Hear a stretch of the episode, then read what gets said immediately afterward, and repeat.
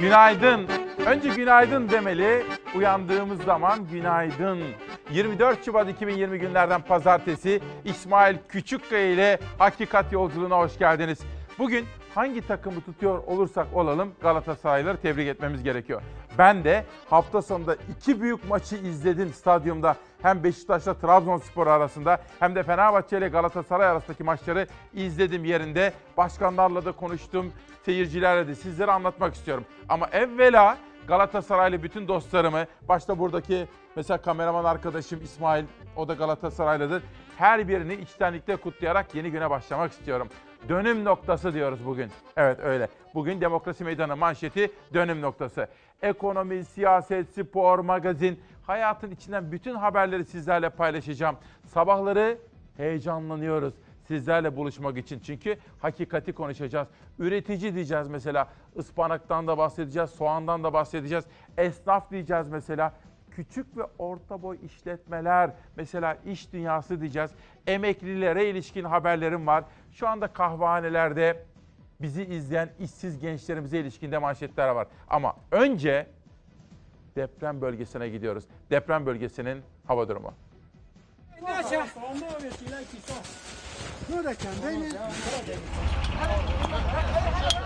Yurdun en soğuk ve en çok kar yağan bölgesinde deprem oldu. Yerde kar örtüsü hala duruyor. Gece sıcaklıklar eksi 15 dereceye kadar düşüyor. Van'ın Başkale ilçesinde İran sınırına yakın köylerde vatandaşlar hal böyleyken evsiz kaldı. Deprem bölgesinde buzlanma ve don var. Üstelik deprem geçtiğimiz haftalarda yerde metrelerce kar biriken noktalarda çığ tehlikesini de tetikliyor. Kimse yoktu değil mi okulda? İran'ın Hoy kentinde aynı gün peş peşe meydana gelen 5,9 büyüklüğünde iki deprem 4'ü çocuk 9 kişinin ölümüne neden oldu Van'da. Başkale ilçesinin Özpınar ve Güvendik köylerinde kerpiç evler yıkıldı. Yerle bir olan köylerde yerde kar örtüsü hala duruyor. Gece saatlerinde sıcaklıklar bugün eksi 10 dereceye kadar düşecek. Bugün Van'da günün en sıcak saatlerinde bile termometreler en fazla 5 dereceye kadar yükselecek. Bugün bölgede gökyüzü parçalı bulutlu ancak yarın deprem bölgesi Van'da yeniden kar yağışı etkili olmaya başlayacak. Gün içinde beklenen kar yağışı kış koşullarını daha çetin hale getirecek. Öte yandan bölgede 4 ve 5 Şubat tarihlerinde yaşanan iki çığ felaketinde toplam 41 kişi yaşamını yitirmişti.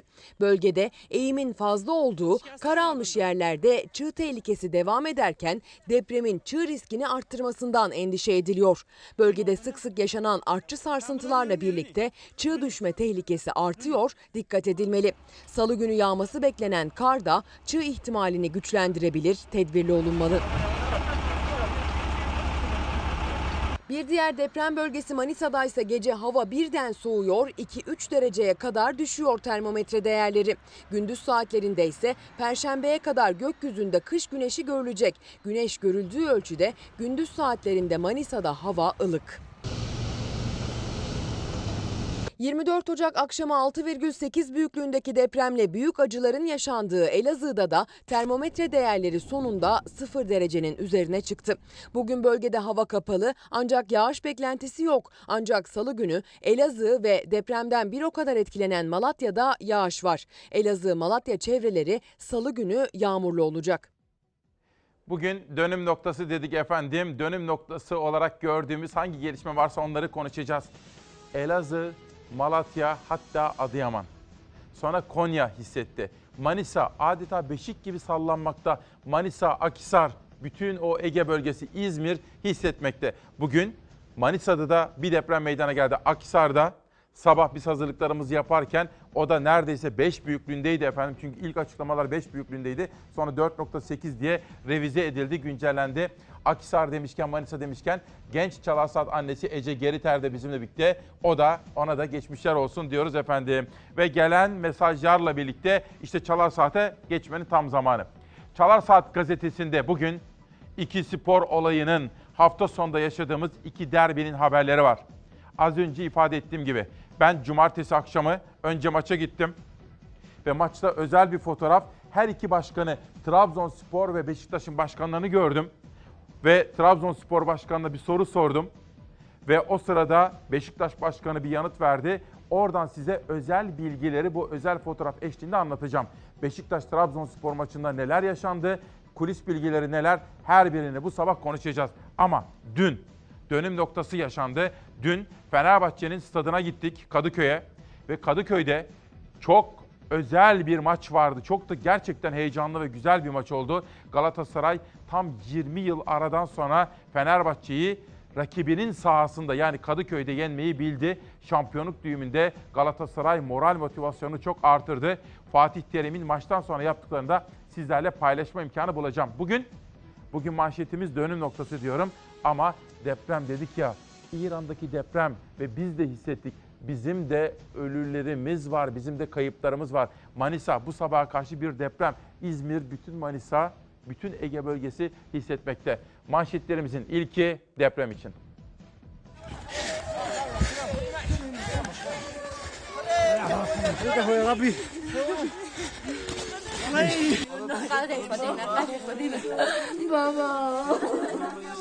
Açın abi açın. Açın açın açın. İran'daki deprem Van'ın Başkale ilçesini vurdu. Dün sabah 8.53'te meydana gelen 5,9'luk sarsıntıya kerpiç evler dayanmadı. Dördü çocuk 9 kişi enkaz altında kalarak can verdi. Bölge saat 19'da yine 5,9 büyüklüğünde ikinci bir depremle sarsıldı. İkinci deprem sonrası kalan evler de yıkıldı. Evet şu an evi yıkılmış bir ailenin yanındayız ve enkazdan çıkartılmış bir engelli çocuk. Susun tamam susun. Türkiye'nin yüreğini yakan depremin merkez üssü Hakkari ve Van'la sınır komşusu olan İran'ın Hoy şehriydi. Deprem dün sabah saat 8.53'te yerin 6 kilometre derinliğinde meydana geldi. AFAD büyüklüğü 5,9 olarak açıkladı. Evet şu an Gelenler köyündeyiz. Maalesef köyün çoğu yıkılmış durumda. Köylerin duvarları zaten taştan yapılı. Bu yüzden zarar çok. Aynı büyüklükte ikinci deprem saat 19'da meydana geldi. Can kaybı yaşanmadı ama deprem Van'da paniğe neden oldu. Soğuk ve karlı havada insanlar geceyi dışarıda geçirdi. AFAD depremzedelere battaniye temin ederken Kızılay vatandaşlara çorba dağıttı. İlk deprem can kaybına ve çevrede ciddi hasarlara yol açtı. Sınır hattındaki birçok il depremi hissetti ama Van'ın Başkale ilçesine bağlı dört köy felaketi yaşadı. Köylerdeki kerpiç ve taş evler, ahırlar yerli bir oldu. Acı haberler peş peşe geldi. Saatler ilerledikçe can kayıpları arttı. Evet şu an bir kişi enkazın altından çıkarılıyor. Çok şiddetli bir depremdi.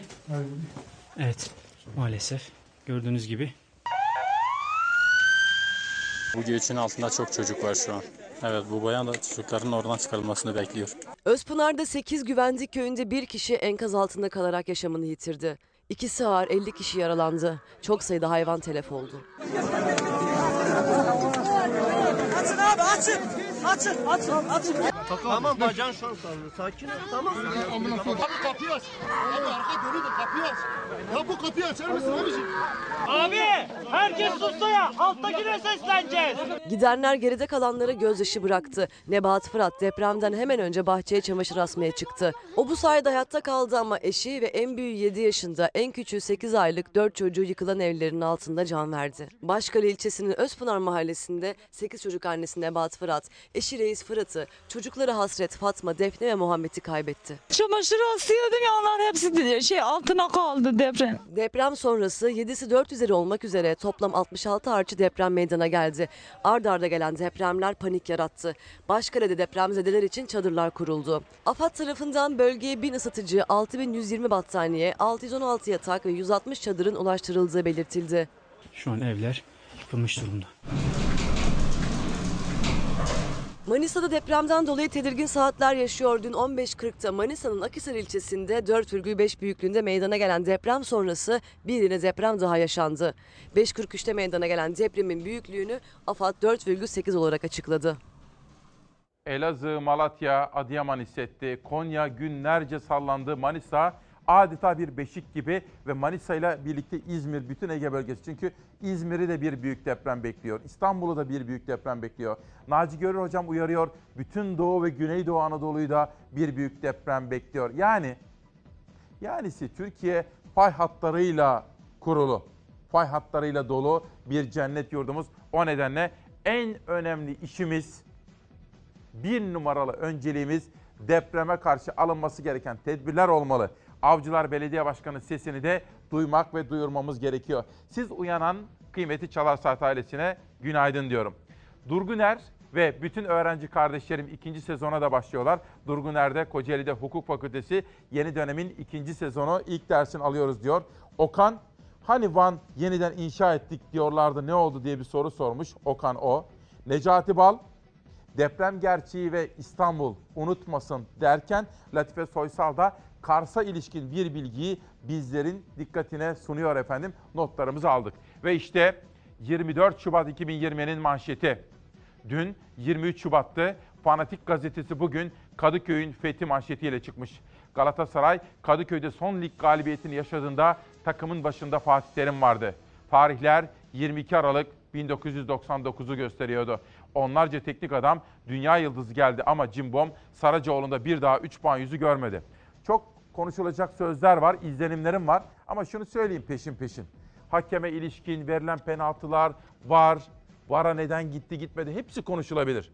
Ama açık gözle stadyumda maçı izleyen birisi olarak şunu net olarak söylemeliyim ki Fatih Terim ve onun oyuncuları dün Kadıköy'de Fenerbahçe'yi yenmeyi hak etmişlerdi. Yani ona uygun bir futbol oynadılar. Skor çok daha farklı olabilirdi. Dakika 3 Galatasaray 1-0 öne geçebilir. Yani Galatasaray'ın hakkıydı bunu söyleyelim ve Fatih Terim'i kutlayalım.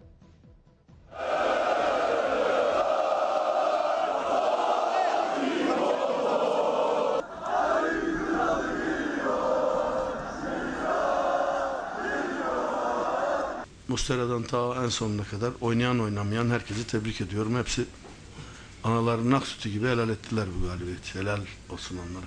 Bu sadece bir üç puan değil. Galatasaray'ın nezdinde. Galatasaray'ın Kadıköy'de deplasman galibiyeti hasreti sona erdi. 21 yıl sonra Fenerbahçe'yi kendi evinde yendi. 3-1'lik skorla tarihi zafer kazandı.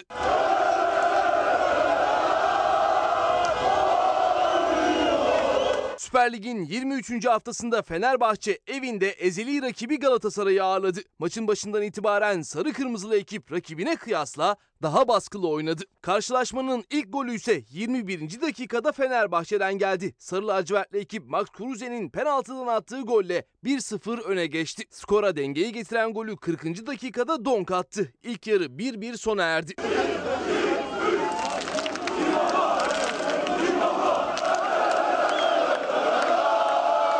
İkinci yarıda mücadele daha heyecanlı geçti. Derbide tansiyon da yükseldi. Kartlar adeta havada uçtu. Karşılaşmanın 66. dakikasında Fenerbahçe Teknik Direktörü Ersun Yanal kırmızı kart gördü. 84. dakikada ise Galatasaray'dan Belhanda, Fenerbahçe'den Deniz Türüç kırmızı kartla oyundan atıldı. Galatasaray 80. dakikada Falcao'nun penaltı golüyle skoru 2-1'e taşıdı. Karşılaşmanın sonucunu belirleyen golü 90 artı 7'de Onyekuru attı. Galatasaray bu golle birlikte sahadan 3-1 galip ayrıldı. Skor üstünlüğünün haricinde oyun üstünlüğünden dolayı çok memnunum. İlk defa hayatımda ben e, sahada çalıştıklarımızı, antrenman sahasında çalıştıklarımızdan sonra kampa girerken birer de ev ödevi verdim her lisanda. İyi çalışmışlar derslerine demek ki onlar da.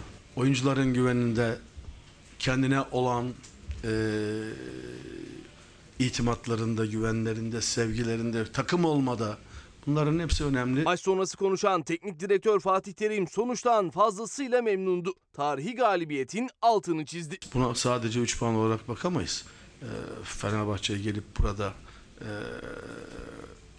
seyircisinin önünde bu kadar rahat Galatasaraylı taraftarlar 21 yıl sonra gelen Kadıköy galibiyetini gece geç saatlere kadar kutladı. Bir grup taraftarsa zafer kazanan takımlarını Florya Metin Oktay tesislerinde karşıladı.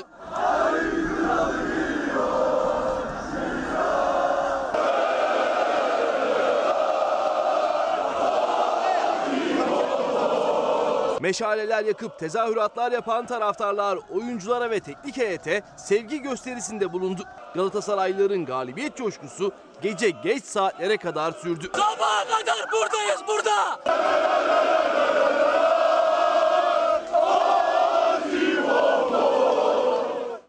Bugün Galatasaraylar ve Galatasaray camiası haklı bir sevinç içerisinde onları kutlamak gerekiyor efendim. Başta Fatih Terim olmak üzere başardılar ve gerçekten önemli bir galibiyet aldılar. Maçtan sonra yayıncı kuruluşun canlı yayına bağlandı Fatih Terim ve aslında istatistiği bu kadar önemsemediğini ama bütün Galatasaray camiasının çok mutlu olduğu için kendisinin ekstradan sevindiğini yoksa kendisi için asıl olanın şampiyonluklar ve Avrupa'da başarı olduğunu söylüyor ki doğruydu. Ama bir psikolojik bariyer olarak gözüküyordu ve sonuçta rakibinin sahasında 20 yıl aradan sonra Fatih Terim'in öğrencilerini kazanması ve haklı bir galibiyet. Üstelik de Fatih Hoca şunu da söyledi. Çok doğruydu. Bir gün önce Trabzonspor'la Beşiktaş'ın maçında İstanbul'daki Vodafone Arena'da müthiş bir futbol vardı. Fatih Hoca dedi ki o maçtaki keyfi Fenerbahçe Galatasaray maçında da izletebildiğimiz için ben ayrıca sevinçliyim dedik ki bence bir futbol sever olarak kendilerine teşekkür ediyorum. İyi bir futbol vardı her iki derbide de efendim ve uyanan Cemal Övet, İsmail kardeşim Büyük Orta Doğu projesi ne çabuk unutuldu derken Serdal Alda şehitlerimizle ilgili bilgiler veriyor. Evet çok teşekkür ediyorum Serdal Ala. O da Türk bayraklı bir profili var bir kardeşim. Şehitlerimizle ilgili haberler vereceğim. Serdar onu hazırlayalım rica etsem. Fanatikten karara geçelim. Bugün deprem önemli manşetlerden biri. Şehitlerimiz hem İdlib hem de Libya'dan gelen şehitlerimizle ilgili haberlerde bir başka önemli haber. Biraz önce sizlere detaylarını sunmuştum. İran sallandı, Van yıkıldı. Türkiye Elazığ depreminin yaralarını sarıp bir an önce alması gereken tedbirlerin muhasebesini yaparken bir acı haber de Van'dan geldi. İran merkezli 5.9 şiddetindeki deprem Türkiye'yi vurdu. Depremde 9 kişi hayatını kaybetti, 9'u ağır, 37 kişi de yaralandı. Sabah biz hazırlıklarımızı yaparken Manisa'da da Akhisar'da da bir deprem meydana geldi. Manisa'ya, Akhisar'a ve İzmir'e bütünüyle Ege bölgesine de bir kere daha geçmişler olsun diyor. Ve Karar Gazetesi'nden bir detay daha var mı şöyle bir bakalım. Bir detay daha. HDP yola Mithat Sancar ile devam edecek. Dördüncü olağan kongresini gerçekleştiren partide Sezai Temelli'nin yerine Mithat Sancar geldi. Pervin Buldan'ın eş başkanlığını yürüteceği HDP'nin kongresine CHP, Gelecek Partisi ve Saadet Partisi temsilcileri katıldı. Parti kurma hazırlıklarını yürüten Ali Babacan da HDP'nin parti kongresine bir mesaj gönderdi ve başarı dileklerinde bulundu efendim. Karardan geçiyorum sonraki manşetimize. Pencere gazetesi bakalım neler söylüyor. Birkaç tane şehitten biri için sessiz sedasız tören. Cumhurbaşkanı Erdoğan'ın Libya'da birkaç tane şehidimiz var sözlerinin ardından Albay Okan Altınay'ın Trablus limanında hayatını kaybettiği, yani Libya'da şehit olduğu, naaşının memleketi Aydın'da sessiz sedasız defnedildiği iddia edildi. Haberi duyuran gazetecilerin, Murat Ağırel mesela Yeni Şafak gazetesinin yazarı, bu haberi duyuran gazetecilerin sosyal medya hesaplarına el konuldu denilmekte efendim. Peki şimdi kahraman şehitlerimizle ilgili manşeti dikkat ve yorumlarınıza sunuyoruz. Ücretli lejyoner Hafter'e karşı kahraman askerlerimiz ve Suriye Milli Ordusu'ndan ekiplerimizle beraber oradayız. Tabii birkaç tane şehidimiz var. Geçmişte PKK terör örgütüyle mücadelede şehit düşen Mehmetçiğimize kelle diyebilen bir zatın şimdi de şehitlerimize tane ifadesi kullanması içimizi acıttı. Kamu vicdanını sızlattı. Şehitlerimizden birkaç tane diye söz etmesi, sayısından dahi bilgisinin olmaması Türk milletini derinden yaraladı. Bu sözlerin düzeltilmesini bekliyoruz. Cumhurbaşkanı Erdoğan Libya'da Hafter güçlerine karşı verilen mücadelede ilk şehit haberini verdi. Birkaç tane şehidimiz var dedi. Muhalefet şehitler için kullandığı bu ifadeye sert tepki gösterdi. Biz şehitlerimizi taneyle saymayız, saygıyla anarız. Tane diye ancak metalardan ve cansız varlıklardan söz edilebilir.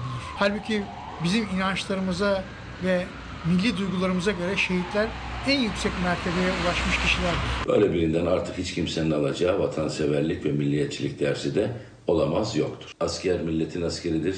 Asker Erdoğan'ın askeri değildir. Libya'da şehitlerin olduğunu açıklarken üstü kapalı ifadeler kullanması dikkat çekti Erdoğan'ın. Şehitlerin sayısı, kimlikleri, ne zaman ve nerede şehit düştükleriyle ilgili ayrıntı vermedi. En net cümleyi ise şehitler tepesi boş kalmayacak vurgusuyla kurdu. Birkaç tane şehidimiz var. Yüze yakın orada o lejyonerlerden etkisiz hale getirdi. Şehitler tepesi boş kalmayacak. Şehitler tepesine biraz da siyasetçilerin çocukları gitsin. Zenginimiz bedel öder, askerimiz fakirdendir. Hele hele iki evladı da askerlik yapmamış bir zatın şehitler tepesi boş kalmayacaktır sözünün inandırıcılığı yoktur. Bu vesileyle bugüne kadar Libya'da şehit verdiğimizi öğrenmiş bulunduk. Bu şehitler kim? Nerelerde defnedildi? Bunlar için tören yapıldı mı? Türk milleti bunları da bilmek istiyor. İlk kez Suriye Milli Ordusu'nun Libya'da da Türk askeriyle birlikte yan yana savaştığını duyurdu Cumhurbaşkanı Erdoğan. Ama Ankara'da tansiyonu yükselten Libya'da şehit haberini birinci ağızdan verirken kullandığı ifadeleri oldu. Kahraman askerlerimiz ve Suriye Milli Ordusu'ndan ekiplerimizle beraber oradayız. Erdoğan caka satsın diye savrulan dış politikasına verecek bir tek şehidimiz yoktur. Bu konu çok önemli efendim. Adana'dan yurtsever ve aynı zamanda milliyetçi bir kardeşimiz, aynı zamanda hayırsever Adnan Bilici. O da memleketimize başsağlığı dileklerinde bulunuyor. Adana'ya, Bilici ailesine çok buradan teşekkür ediyorum efendim. Teşekkürler, sağ olsunlar, var olsunlar. Gelen mesajları okuyorum. Bülent Bilici'ye teşekkür ettikten hemen sonra manşetlerimize devam ediyorum.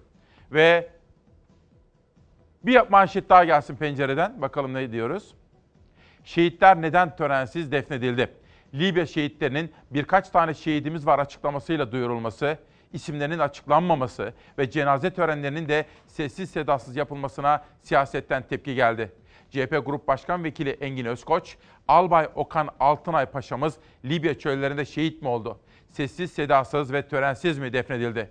Bu soru cevaplanmalıdır. Türkiye tarihinde AKP dönemi kadar Müslüman kanının döküldüğü bir dönem olmamıştır. Dün olduğu gibi bugün de Müslüman katline göz yumulmaktadır dedi. İyi Parti Genel İdare Kurulu üyesi Aydın Adnan Sezgin de Libya'da şehit olan askerlerimizi neden gizli saklı defnettiniz? Neyi gizliyorsunuz? Yaşananlara tepki gösterdi bu sözleriyle. O sözleri bir hatırlatalım şimdi. Ben yönetmenimden bir rica edeceğim. Tabii bugün hem İdlib'i konuşacağız. Yani Suriye'yi, Suriye bağlamında yaşananları hem de Libya'yı ve Libya bağlamında yaşananları da konuşacağız. İşte Pencere gazetesinde gördüğümüz haber. Aydın Adnan Sezgin. Libya'da şehit vermemiz ulusal güvenliğimiz açısından şart mıydı diye soruyor. Hangi çıkarlarımızı korumuş olduk? Peki neden gizli saklı defnettiniz? Neyi gizliyorsunuz? Şehitlerimize Allah'tan rahmet, milletimize başsağlığı diliyorum diyor. Ve bir başka sosyal medya mesajıyla görüşlerini şöyle ifade ediyor. Cumhurbaşkanı Sözcülüğü tarafından isabetsiz bir atış olarak nitelenen Trablus limanı saldırısında Sayın Cumhurbaşkanı tarafından birkaç şehit diye anılan çok mühim kayıplarımız olduğunu Sayın Cumhurbaşkanı bir mitingde çay dağıtırken öğreniyoruz. Yazık devlet saygınlığı böyle ayaklar altına alınmamalı diyor efendim. Bu konuda Pencere gazetesinde bir detay daha var. O da huzurlarınıza gelsin ama önce gecenin sıcak ve karanlık olaylarından birisi. Fatih'teyiz. Hani geçen yıllarda da olmuştu. Bir anda araçlar, park etmiş durumdaki araçlar kimliği belirsiz şahıslar tarafından kundaklanıyordu. O kabus geri döndü maalesef.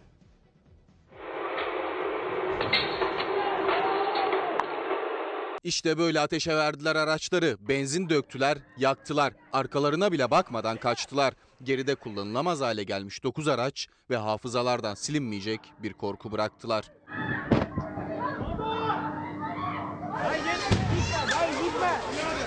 Gel böyle gel.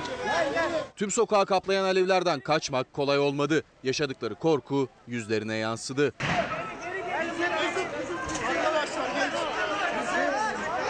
4-5 tane maskeli, yüzü maskelere şahıs arabaların üstüne benzin tarzı bir şey atıp 4-5 tane arabayı burada kun- kundakladılar. İstanbul Fatih'te gece yarısı bir grup sokaktaki arabaları benzin dökerek ateşe verdi.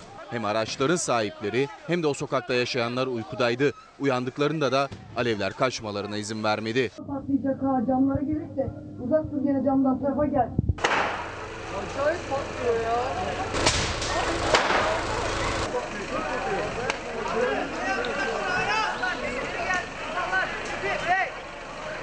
Beyler! Aracın içinde adam var adam.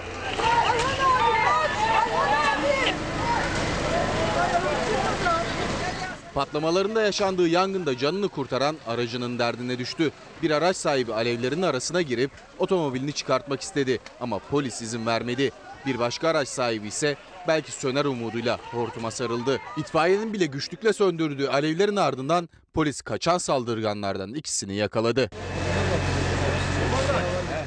Esrarengiz bir olay. Polis işin peşinde. Hani biraz evvel size Adana'dan, Bülent Bilici'den bahsetmiştim ve bugün sosyal sorumluluğu, vatanını çok seven böylesine bireylerimiz tarafından hissedenler. Mesela Diyarbakırlı anneler Ankara'da kimler için buluştu? Veya Antalya'da bisiklet çevirenler hangi ulvi amaç için sesini duyurmaya çalıştılar? Bu ve benzeri etkinlikleri anlatacağım. Bir de kadınlarımızın girişimci olması için adeta usta çırak ilişkisi bu konuda TİKAD'ın yapmış olduğu bir etkinlik vardı dün Tarabya'da. Bütün bunları da işte Diyarbakırlı annelerden tutarak her birini sizlere anlatma imkanı bulacağım bu sabah. Bir haber daha gelsin pencereden. Şehit haberini duyurana e-operasyon. Batuhan Çolak yaşadıklarını anlattı. Albay Okan Altınay'ın cenaze töreniyle ilgili haberi sosyal medya hesabından paylaştıktan sonra hesabına yasa dışı şekilde el konulan gazeteci Batuhan Çolak yaşadıklarını şöyle anlattı. Albay Okan Altınay'ın Libya'da şehit düştüğü ne Libya'da şehit düştüğü nedense kamuoyuna açıklanmıyordu. Devre arkadaşları ve ailesi tepkiliydi. Şehit Albay Okan Altınay Atatürkçü diye ordudan ayrılmak zorunda kalmış. Sonrasında da ihtiyaç var denilerek tekrar orduya alınmıştı. En zor görevlere gönüllü gider, en sorunlu bölgelerde görevini en iyi şekilde yerine getirirdi. İşte bu kahraman Türk subayı birkaç tane şehit denilerek kamuoyuna açıklanmıyor. Sosyal medyadan haberi duyurduktan sonra mesaj kısa sürede milyonlarca kişiye ulaştı ve kamuoyunun bilgilenmesi sağlandı. Aynı şekilde yazarımız Murat Ağırel de şehitlerimizin fotoğraflarını paylaşarak törensiz bir şekilde defnedilmelerine tepki gösterdi. Ağırel'in paylaşımı da kısa sürede milyon kişiye erişti ve büyük yankı buldu diyor. Yapılan bu paylaşımlardan sonra mesajın kaldırılması için çok sayıda tehdit mesajı, rica telefonu ve mesaj aldım. Şehit albayın istihbarat bünyesinde çalıştığı ifade ediliyor. Kurumdaki teamüllere göre bazı şehitlerin törensiz ve sessiz defnedilebileceği ifade ediliyordu. Ancak olayı kamuoyuna ilk açıklayan Cumhurbaşkanı Erdoğan oldu. Kendisinin paylaşımından sonra konunun detaylarını aktarmamız bir vatandaşlık göreviydi. Gmail ve Twitter hesaplarımın yanımda telefon olmadan başka bir bilgisayar ve IP'den açılması teknik olarak mümkün değil. Ama bir şekilde hesaplarımıza girilmiş ve ele geçirilmiştir. Hesaplara girildikten sonra bugüne kadar Google servisleri ile ilgili yaptıkları tüm hareketler arşivlenmiş ve indirilmiştir. Twitter'da Libya şehitleri ile ilgili yapmış oldukları paylaşımlar silinmiştir. Bu bir kişinin yapabileceği sıradan bir hırsızlık olayı değildir. Türkiye'nin güvenliğini sağlamakla yükümlü olan kurumlarımızın gazetecilerin sosyal medya hesaplarıyla uğraşmaları kabul edilemez. Yapılan operasyon kamuoyunun bilgi alma hakkına yapılan büyük bir saldırıdır diyor. Peki Murat Ağırel ne diyor? Onu da sizlere sunacağım bir dakika. Bu olaydaki önemli isimlerden bir başkası Yeni Çağ Gazetesi'nin yazarı. Bizim biz Çalar Saat ailesinin bazı felsefeleri var. Biz genel yayın yönetmenimiz Doğan Şentürk'le birlikte cumartesi günü öğleden sonra Kadıköy'e gittik. Kadıköy Belediyesi'nin salonlarında Türkiye Gazeteciler Cemiyeti'nin düzenlediği bir panel vardı. Biz orada Doğan'la birlikte konuşma yaptık ve bin, bin civarındaki yurttaşımıza sohbet ettik. Onlara da anlattık. Bizim temel değerlerimiz var. İnsan hakları, haberin özgürlüğü, gazetecinin bağımsız ve tarafsızlığı, kadın erkek eşitliğini sağlamak, çevre konularına duyarlı olmak, Down sendromlu çocuklarımız, engelli çocuklarımızın hayata katılması, emeklilerimizin insan onuruna yaraşır bir hayata sahip olmaları gibi pek çok husus. Onlardan biri de şiddetin her türlüsüne karşı olduğumuz gibi bireysel silahlanmaya da dikkat çekmek istiyoruz. 2019 yılında medyaya yansıyan silahlı olayları derlediler. Türkiye'nin şiddet ve bireysel silahlanma haritasını çıkardılar. Ateşli veya kesici silah kullanılan şiddet olayları en çok İstanbul'dan basına yansıdı. Yerel ve ulusal medyanın günü gününe takibi yapılarak derlenen vakalarda bireysel silah kullanımı oranlarımız ortaya çıktı. 2019 yılında Türkiye genelinde 3623 silahlı olay basına yansıdı. Bu olayların 2867'sinde ateşli, 756'sında ise kesici aletler kullanıldı. Toplam 3623 olayda kullanılan silahların %39'u tüfek, %40'ı silah, %21'i ise kesici silah. 2019 yılı içinde gerçekleşip basına yansıyan kişisel şiddet vakalarında toplam 2211 kişi öldü, 3736 kişi yaralandı. 2019 yılında en fazla olayın yaşandığı illerse sırasıyla şöyle. İstanbul, Ankara, Antalya, Samsun, Adana, Konya, İzmir, Kocaeli, Bursa, Diyarbakır illeri ilk onda bu şekilde sıralandı. Bireysel olarak satın alınan silahları yine şeytan doldurdu. Pek çok can hayattan koptu. Evet Kosovalı diyor ki abi ben mahkumum, izne çıktım. Güzel bir haber var mı? Af veya ceza indirimi. Hep şuna inandım. MHP lideri Devlet Bahçeli bunu ortaya koydu. Israrla da takip ediyor. Belki kamuoyuna çok fazla yansıtmıyorlar ama Cumhur İttifakı'nda bu konuyu sıcak tutuyorlar. Ben öyle veya böyle bu konu mutlaka çözüleceğine inanıyorum. Benim bakış açıma göre, siyaseti yorumlayışıma göre bu infaz sistemindeki düzenlemeye ilişkin yakında bir müjde çıkacak gibi geliyor bana. Çünkü sessiz ve sedasız bu konuda çalışmalar yapılıyor. Hatta bir değerli büyüğümle konuştum, bir hukuk insanı. O Adalet Bakanı ile bir araya gelmişti. Ya cuma ya da cumartesi günü bir grup akademisyenle birlikte Adalet Bakanı bilgilendirme yapmış. Oradan edindiği izlenim de hukukun üstünlüğü konusunda bazı olumlu icraatlar gelebilir. Yakında müjde gelebilir diyordu beni bilgilendiren o büyüğüm efendim. Bugün dönüm noktası dedik. Galatasaray'ın Fenerbahçe'nin stadyumunda haklı olarak elde ettiği bir galibiyet ve 20 yıl aradan sonra Kadıköy'de rakibini yenmesi günün olayı. Bugün Türkiye'de en çok bu konuşulacak. Ve Ersun Yanal istifa etti mi etmedi mi olayın Fenerbahçe cephesine de hep beraber bakacağız. Ama ben bir Beşiktaşlıyım. Lütfen sizler de hangi takımın taraftarı olursak olalım kazananı ve hak edeni tebrik edelim. Kazanan ve hak eden Galatasaray'dı. Özellikle de Fatih Terim Hoca başta olmak üzere camiayı kutlamak boynumuzun borcu olsun. Bir haber daha gelsin sonra devam edelim. Murat Ağırel yaşadıklarını anlattı. Hesaplarına yani sosyal medya hesaplarına mesela mail hesaplarına el konulmuş. Çünkü Libya'daki şehitlerimizle ilgili haberler yapmış. Hesaplarına el konulan gazeteci Murat Ağırel, şehit paylaşımını yaptıktan sonra olanları bir video mesaj ile sosyal medyadan duyurdu. Ki Murat Ağırel'in bu sosyal medya paylaşımını meslek büyüğümüz olan Uğur Dündar da retweet yaparak onun yaygınlaşmasına yardımcı oldu. Kamuoyunu bilgilendirdi efendim. Onun da altını çizelim. Murat Ağırel diyor ki, Cumhurbaşkanımız birkaç şehit verdik dedikten sonra bu açıklama öncesinde gelen haberleri tekrar inceledim. İlgili kurumlarla konuşup haberleri teyit ettim. Yani doğrulattım. Sonra Batuhan Çolak'ın paylaşımını retweet ettim. Bir dakika. Serdar pardon. Efendim bilmeyenler de olabilir. Hepimiz biliyoruz ama retweet etmek ne demek? Twitter var ya haber paylaşım sitesi. Hani birisi haber yazıyor. Onun üstünde bir tıklama var. Onu da yaparsanız siz de onu paylaşmış oluyorsunuz. Yani onun yayılmasına yardımcı oluyorsunuz. Retweet etmek yani yeniden paylaşmak demek. Hani hepiniz biliyorsunuz da ola ki ya bu ne demek diye soruyorsanız onu anlatalım. Cumhurbaşkanımız birkaç şehit verdik dedikten sonra bu açıklama öncesinde gelen haberleri tekrar inceledim. İlgili kurumlarla konuşup haberleri teyit ettim. Sonra Batuhan Çolak'ın paylaşımını retweet ettim. Yani onun paylaşımını ben de yaygınlaştırdım. Bu paylaşım sonrasında çok sayıda tehdit aldım. Gece yarısı Turkcell'den mesaj geldi. Twitter doğrulama kodu geldi. Sosyal medya hesaplarıma giremedim. Turkcell'i arayamadım. Masaüstü bilgisayarımdan da giremedim. Tüm mail bilgilerim yok olmuştu. Bu olayın ortaya çıkması gerekiyor. Bu şehitler bizim şehitlerimiz. Biz gazetecilik yaptık. Doğru bilgileri servis ettik. Hukukun üstünlüğüne inanan kişiler olarak ben hukuka inanıyorum. Pazartesi günü yani bugün suç duyurusuna bulunacakmış. Efendim onun da altını çizmiş olalım. Peki koronavirüs haberi var ama önce Serdar hava durumu haberimiz hazır mı? Bir bakar mısın?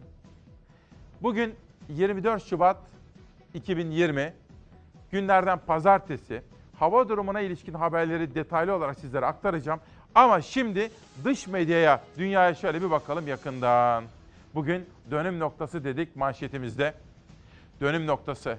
Bakın biz İran'la olan giriş çıkışları kontrol altına aldık hatta sınırı kapattık. Çin çok büyük sıkıntılar yaşamaya başladı. Fakat mesele sadece Çin'le sınırlı değil. İtalya'da o kadar büyük kapsamlı tedbirler alınmaya başlandı ki Venedik'teki festival bile iptal edildi ve orada Asya'dan sıçrıyor. Bakın haberde de var. Irak ve Türkiye'de sınırlarını kapattı. Bunun da haberini veriyor. Ekonomik kaygılar da bu konuda artmış. Financial Times gazetesinin manşeti. Geçelim Independent'a. İtalya'nın yaşamış olduğu koronavirüs faciası ve İtalya'nın koronavirüsün yayılmasına ilişkin sergilemiş olduğu mücadele ve vermiş olduğu kavgada bugün birinci sayfada. İşte 24 Şubat'ın dünya manşetleri. Koronavirüs İtalya'da kabusa neden oldu. Dünyayı korkutan koronavirüs salgını İran'a sıçradı. 43 vaka görülen İran'da şu ana kadar 8 kişi öldü. Türkiye salgın tehdidine karşı İran'la sınır kapılarını kapattı. Türkmenistan'da İran'a sınır kapılarını kapama kararı aldı. Avrupa'da ise virüs hızla yayılıyor. İtalya'da kırmızı alarm verildi. İran'daki tablonun giderek artış göstermesi sebebiyle komşumuzla sınırlarımızı geçici olarak kapatma kararı aldık. Dünyada 2464 kişinin ölümüne yol açan koronavirüs Türkiye sınırına kadar geldi. Sağlık Bakanı Fahrettin Koca, Ağrı Gürkulak, Van Kapıköy, Hakkari Esendere ve Iğdır'dan Nahçıvan bölgesine açılan Dirici sınır kapılarının kapatıldığını açıkladı. İran'dan ülkemize yapılacak kara ve demiryolu geçişleri bugün saat 17 itibariyle geçici olarak durduruldu. Tüm uluslararası uçuşlar ise saat 20 itibariyle tek taraflı ve geçici olarak durduruldu. Yani İran'dan Türkiye'ye gelişler durdurulmuş oldu. Sağlık Bakanlığı İran'dan Türkiye'ye yapılan seferleri de geçici olarak durdurdu. İran'dan gelen son uçak da dün gece saatlerinde İstanbul Havalimanı'na indi. Van'da tedavi altına alınan 5 hastanın virüs taşımadığı anlaşıldı. İran ise koronavirüsün yayılmasını önlemeye çalışıyor. Tahran yönetimi 12 eyalette tüm üniversite ve okulların eğitimini ara verdi. Başkent Tahran'daki tüm kültürel ve sanatsal etkinlikleri de iptal etti. İran'da koronavirüsün gölgesinde gerçekleşen meclis seçimlerinde katılım %50'nin altında kaldı. Dini lider Hamaney ise düşük katılım üzerine yabancı basını suçladı. Yabancı basının virüsü bahane ederek halkı seçimlere katılmaktan vazgeçirmeye çalıştığını savundu. Türkmenistan İran'dan giriş yapan araçları almıyor. Ne yapmamız lazım kimse bir şey söylemiyor. Burada bekliyoruz. Türkmenistan da koronavirüs nedeniyle İran'la sınır kapılarını kapattı. Sınırda bekleyen tır şoförleri virüs nedeniyle sınır kapılarında mahsur kaldı. Koronavirüs Avrupa ile tehdit ediyor. İtalya'da da iki kişinin hayatını kaybetmesi sonrası vaka sayısı yüze yükseldi. Salgını durdurmak için virüsün görüldüğü 11 kasabaya giriş çıkışlar yasaklandı. İtalya'dan kalkan bir yolcu treni koronavirüs nedeniyle Avusturya'ya sokulmadı. İki yolcunun yüksek ateş sebebiyle karantina altına alındığı belirtildi. Virüs önlemek amacıyla Venedik Karnavalı iptal edildi. İtalya Ligi Serie A'da oynaması planlanan 3 maç ertelendi. Virüsün yayılma korkusuyla halk panik yaşadı. Yiyecek stoklamak amacıyla marketlere akın etti. Koronavirüs İtalya'da Milano Moda Haftası'nı da vurdu. Koronavirüsüne karşı önlem için moda devi Armani defilesini boş tiyatroda gerçekleştirdi. Defile internetten yayınlandı. Ve dünya medyası aynı zamanda yerel gazetelerle ilgili haberleri de sizlere aktaracağım efendim. Bu arada çalışanlarla emekli ve emekçiyle ilişkin manşetlerim var. Sözcü gazetesinde bu konuda haberim var. Serdar şimdi hazır galiba. Hazır mıyız? Peki. Günaydın Türkiye. 24 Şubat 2020 günlerden pazartesi İsmail Küçükkaya ile Demokrasi Meydanı'nda sıra, sıra geldi yurdumuzun hava durumuna.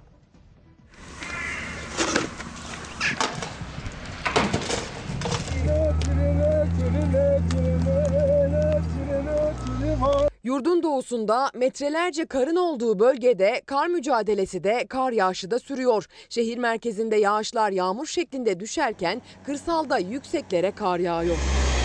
Tabii Hizan'dan e, yağmur falan yağarken e, buradan kar yağıyor. Burası yüksek olduğu için. Burası Bitlis'in Hizan ilçesine bağlı Aladana köyü. Köylü 40 gündür kar esareti altında. Yolları kardan temizlenen, esaretten kurtulan köylü sevinçten halay çekti.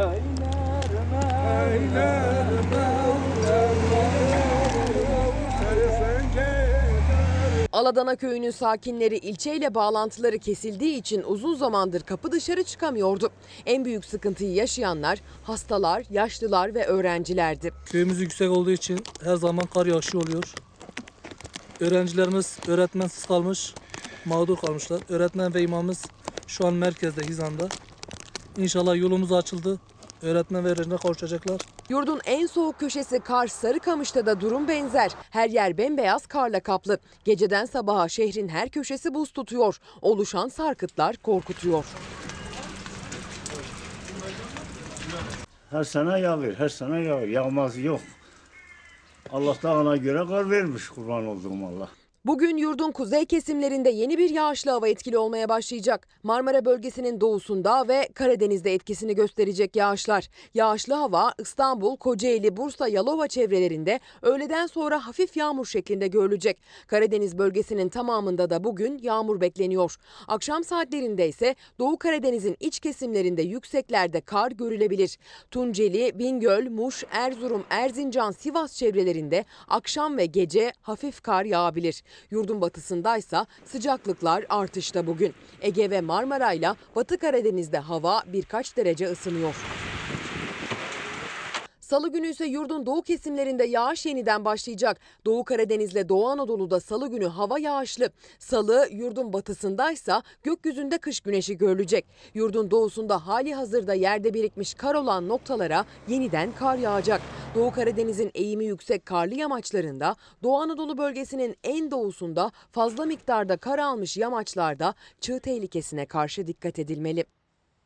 Hafta sonundaki maçlar ve maçlara ilişkin görüşler her iki başkanla da Beşiktaş ve Trabzonspor başkanlarıyla yaptığım sohbetten maçta daha doğrusu maçtan yarım saat önce yaptığım sohbetten alıntılar yapacağım. Dün izlediğim maçta neler olup bittiğini de anlatacağım. Fenerbahçe cephesine de yakından bakmamız gerekiyor. Bu arada hastalarımız Ela'nın babası da hasta yatağında iyileşme sürecinde o da. Ahmet Demiral da bizimle birlikte güne başladı. Bugün de Ahmet Demiral'ın şahsında hastalarımızı sevgi ve saygıyla selamlıyor. Onlara geçmişler olsun diyor ve onlarla ilgilenen refakatçilerini, ailelerini, hasta, bakıcı ve doktorlarını da hemşirelerini de sevgiyle selamlıyorum. Sözcünün manşeti. Çalışan emeklinin belini bükecekler. Saygı Öztürk imzalı bir haber. Kaynak arayan iktidardan milyonları üzecek hazırlık. CHP'li vekil Mehmet Güzelmansur, israftan ve lüksten taviz vermeyen iktidar çevrelerinin emekler aleyhine yaptığı hazırlıkları şöyle sıraladı. 1. Daha önce çalışan emeklerden kesilen ancak 2016'da kaldırılan sosyal güvenlik destek primi ödemesi geri geliyor. 2. Şu anda SGK'lı birinin ölümü halinde yaş şartı aranmadan maaşı eşine bağlanıyor. Bağlanıyor. Buna 30-35 yaş sınırı getirilecek. Oo bakın bu kıyameti koparabilir. Yani şu anda SGK'lı birinin ölümü halinde yaş şartı aranmadan maaşı eşine bağlanıyor. E onun hakkı. Buna yaş sınırı getirilebilir mi? Sanmıyorum ama milletvekili iddiada. SGK'daki hazırlıklar içinde en insafsızı ise emekliden yapılan sağlık kesintisinde olacak. Hazineye kaynak yaratmak için çalışan emeklerin maaşından %5 sağlık kesintisi planlanıyor diyor efendim. Bakın bu da tabii bütçe, ekonomi, bütçedeki açıkları kapatmak için bin bir çare arayan, bir, bir formül arayan maliye bürokrasisinin üzerinde durduğu çalışmalar mı acaba diye soralım ve geçelim sonraki manşetimize. Sözcü gazetesinden bir haber daha. Diyanet'ten 5 yıldızlı toplantılar. Bu kez Ali Ekber Ertürk imzalı bir manşet. 11,5 milyar lira bütçeli Diyanet'e Ankara dar geldi. Kurum toplantı ve seminerler için Antalya'da lüks oteller tuttu. Paralar milletten çıktı. Ve burada 3-4 tane ayrı 5 yıldızlı otelin haberleri ve görüntüleri var. Ve Diyanet tabii Türkiye'de neredeyse bütün bakanlıklardan daha fazla bütçe harcayan bir kurum ve onlar da lüks otellere gidip orada konferanslar ve seminerler düzenliyorlarmış efendim.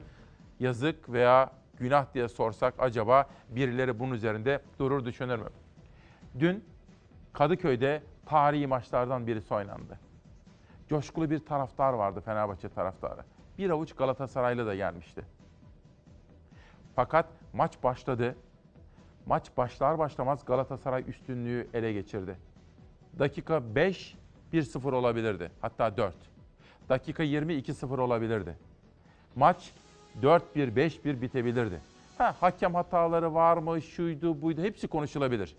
Ama çok açık bakın bir Beşiktaşlı olarak net olarak şunu ifade etmeliyim ki Galatasaray dünkü maçı çok açık bir şekilde hak etti. Dolayısıyla Fatih Terim ve Galatasaray camiasını da tebrik etmek gerekmektedir. Meselenin Galatasaray camiasına baktık. Biraz sonra daha da detaylı olarak bakacağız. Ama şimdi de Fenerbahçe cephesine bakalım.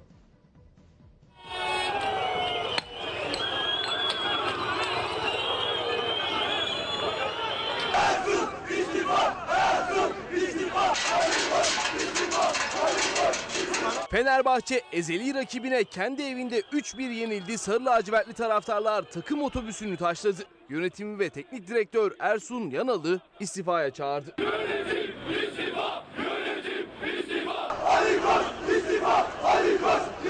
22 Aralık 1999'dan sonra Fenerbahçe ilk kez kendi evinde Galatasaray'a karşı kaybetti. 21 yıla yakın süren yenilmezlik serisi sona erdi. Bu söyleyeceklerim tabii ki bir mazeret değil ama yine hakemin tartışıldığı bir maç olduğunu düşünüyorum ben. Maçın bitiş düdüğüyle başladı Fenerbahçe'de protestolar. Tribünler hem başkan Ali Koç'u hem de teknik direktör Ersun Yanal'ı hedef aldı. İstifa sloganları attı. O sırada protokol tribününün altındaki bölümde bir karışıklık yaşandı. Fenerbahçe Başkanı Ali Koç arbede sonrası protokolden alt tribüne atladı. O anlarda statta bulunanlar tarafından böyle kaydedildi.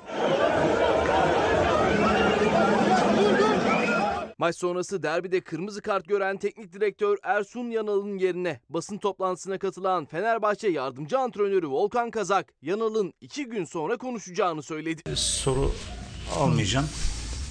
Üzülerek söylüyorum. Çünkü benim söyleyeceğim hiçbir şey sizi tatmin etmeyecektir. Gerekli eee, şeyleri bir iki gün sonra herhalde Ersun Hoca söyler. Fenerbahçe'de mağlubiyetin ardından teknik direktör Ersun Yanal'ın istifa ettiği haberleri yayıldı. Bir televizyon kanalına konuşan yardımcı antrenör Kazak o haberleri yalanladı.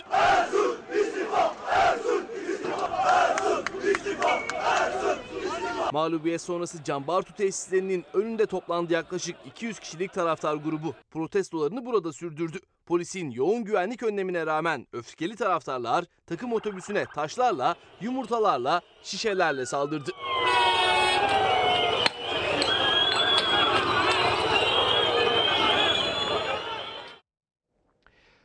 Şeref emeklilerle ilgili düşüncelerini söylüyor. Bugün emeklilerle ilgili haberlerim ve manşetlerim de var. Bir saniyenizi alacağım. Aybüke bekler misin bir saniye bir şey rica edeceğim. Bir kitabı özellikle istedi de bir tanıtımını yapıp ondan sonra vereceğim. Bir bekle lütfen olur mu? Ondan sonra hani bizim işaret diliyle bize yardımcı olan arkadaşımın bir ricası vardı da onun görevi bitti gitmeden yakalamak istedim. Beklesin. Tarık, Tarık Kenç, İsmail abi günaydın. NATO'nun ne işi var Libya'da? Bakın bugün ha, şehitlerimizle ilgili kaygılarını da ifade ediyor da Tarık Genç kardeşim. Bugün Sözcü gazetesinde bir yazı var. Atamızın Suriye politikası, yurtta ve dünyada barış diyen Mustafa Kemal Atatürk'ün vizyonundan bahsediyor. Sinan Meydan ve bizim Suriye, bütünüyle Arap ülkeleri, bütünüyle komşularımızla ilişkilerimizi Atatürk'ün nasıl bir barış eksenine oturttuğundan bahsediyor. Atamızın en büyük özelliği emperyalizmle mücadele etmesiydi. Bunun altını çiziyor. Bugün Sinan Meydan onun da bugün hakkını verelim. Burcu Hanım, günaydın İsmail Bey. Güzel memleketim Trabzon'un düşman işgalinden kurtuluşunun 102. yılı. Bu vesileyle Karadeniz'i, başta Trabzonlar olmak üzere düşman işgalinden kurtuldukları bu özel günde kutlamak istiyorum. Osman Bey, abi sen söyle bir Beşiktaşlısın ama biz ne yapalım Ali Koç'la? Sabredeceksiniz. Öyle kolay değil. Uzun vadeli sistematik değişiklikler için sabretmeniz gerekiyor. Ben Osman Bey, bakın İngiltere'ye bakın. Ferguson dönemi 30 yıl mı devam etti ne? Sadece teknik yönetim anlamında değil. Mesela bence Ersun Yanal yapamadı bu işi. Dün ben maçı şöyle bir izledim. Şimdi nasıl bir görüntü verdiniz o kadar önemli ki. Ben bir Beşiktaşlıyım. Çok da iyi bir yerden izliyorum maçı. Böyle dikkatle. Fatih Terim bakın o müthiş Fenerbahçe seyircisinin olduğu yerde böyle öyle bir kendine özgüveni var ki stadın kenarında böyle duruyor. Daha maç başlamadan. Ona hakaretler de yapıldı. Ama bozmadı istifini. Duymayacaksın. Sinirini bozdurmayacaksın. Sakin, öfke kontrolü ne olacak?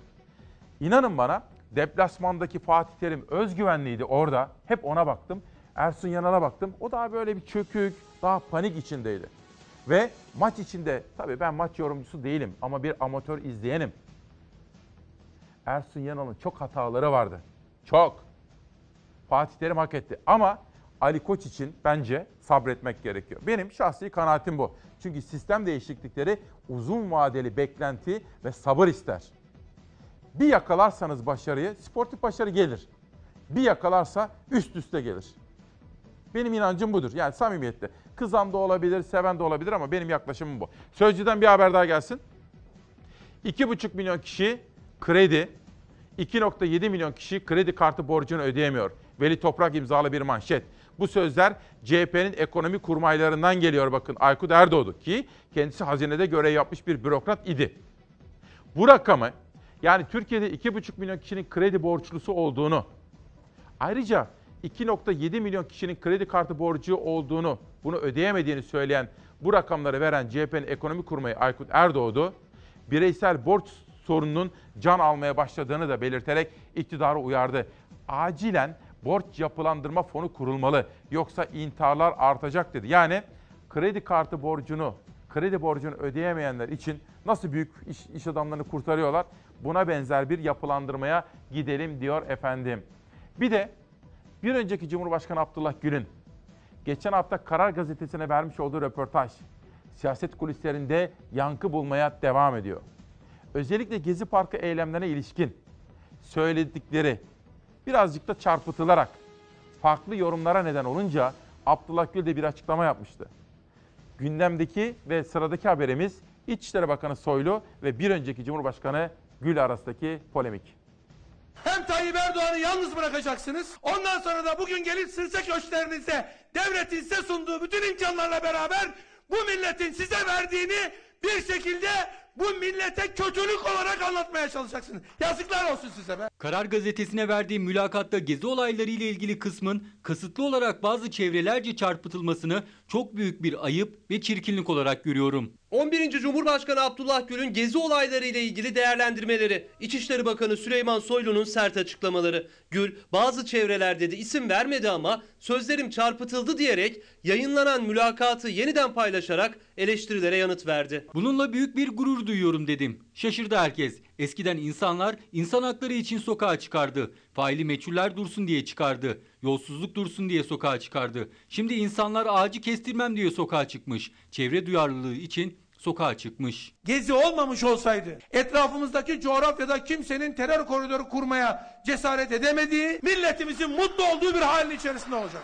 Daha sonra bu toplumsal olay iyi yönetilemeyince terör örgütlerine büyük bir fırsat çıktı ve bildiğimiz vahim olaylar, vandallıklar cereyan etti. Devletin malını, mülkünü talan eden, yakıp, yıkan, cam, çerçeve indirenleri savunan ve onları aydınlık gençlik olarak tanımlayan. Aydınlık değil, aldatılmış gençlik. Cumhurbaşkanının da İzmir'de gündemindeydi. Gül, gezi olaylarıyla gurur duyuyorum ifadesinin farklı yöne çekildiğini ima etti. İktidar cephesinden gelen tonu yüksek eleştiriler için çirkin dedi. Kimse kusura bakmasın. O günkü Cumhurbaşkanımızın sanki o olayların yaşandığı bir Türkiye'de yaşamıyormuş gibi bugün söz söylemesi de bırakın İçişleri Bakanlığı'nı bu ülkenin bir ferdi olarak Süleyman Soylu olarak içerime hançer gibi saplanmıştır. O kadar açık ve net. Gül'den gelen yeni açıklamaya Soylu'dan yanıt gelecek mi merak konusu. İşte böyle ekonominin, siyasetin, sporun gündemini de hep beraber irdeleyeceğiz efendim. Bir dergi yeni geldi. İçinde de bir mektup yazmışlar bana. Anne ve Çocuk Dergisi. İçindeki mektuptan da bahsedeceğim. Göktürk'ten gelen bir mektup. Anne Çocuk Dergisi. Aylık bir dergi. Ama bugün de 14 kitaptan, iki dergiden bahsedeceğim. Ahmet Aslan, sanal aleminde bir hukuku var. Soru ve cevaplarla sosyal medya hukuk rehberi. Bunu da Aybike kardeşimize vereceğim. Onun için ayırdım. Hemen şimdi verelim. Gelelim siyasetin bir başka gündem maddesine. Pazar günü bir kongre vardı. HDP'de ittifak çağrısıyla Sancar dönemi.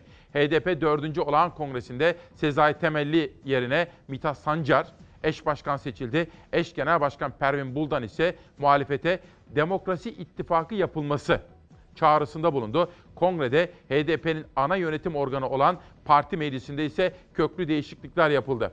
Bir haber daha gelsin pencereden. Bakalım ne var detay olarak. Ses şirketi çalışanlara gözaltına alındı. HDP'nin dördüncü büyük olan kongresinin ardından kongre boyunca ses sistemi düzeninde çalışan 11 kişi gözaltına alındı diyor efendim. Siyasetin bir başka gündem maddesi için şimdi de Ankara'ya HDP kongresine gidiyoruz. barış için varız. Barış için ne yapılması gerekiyorsa yapmaya hazırız. Bedel mi ödemek gerekiyor?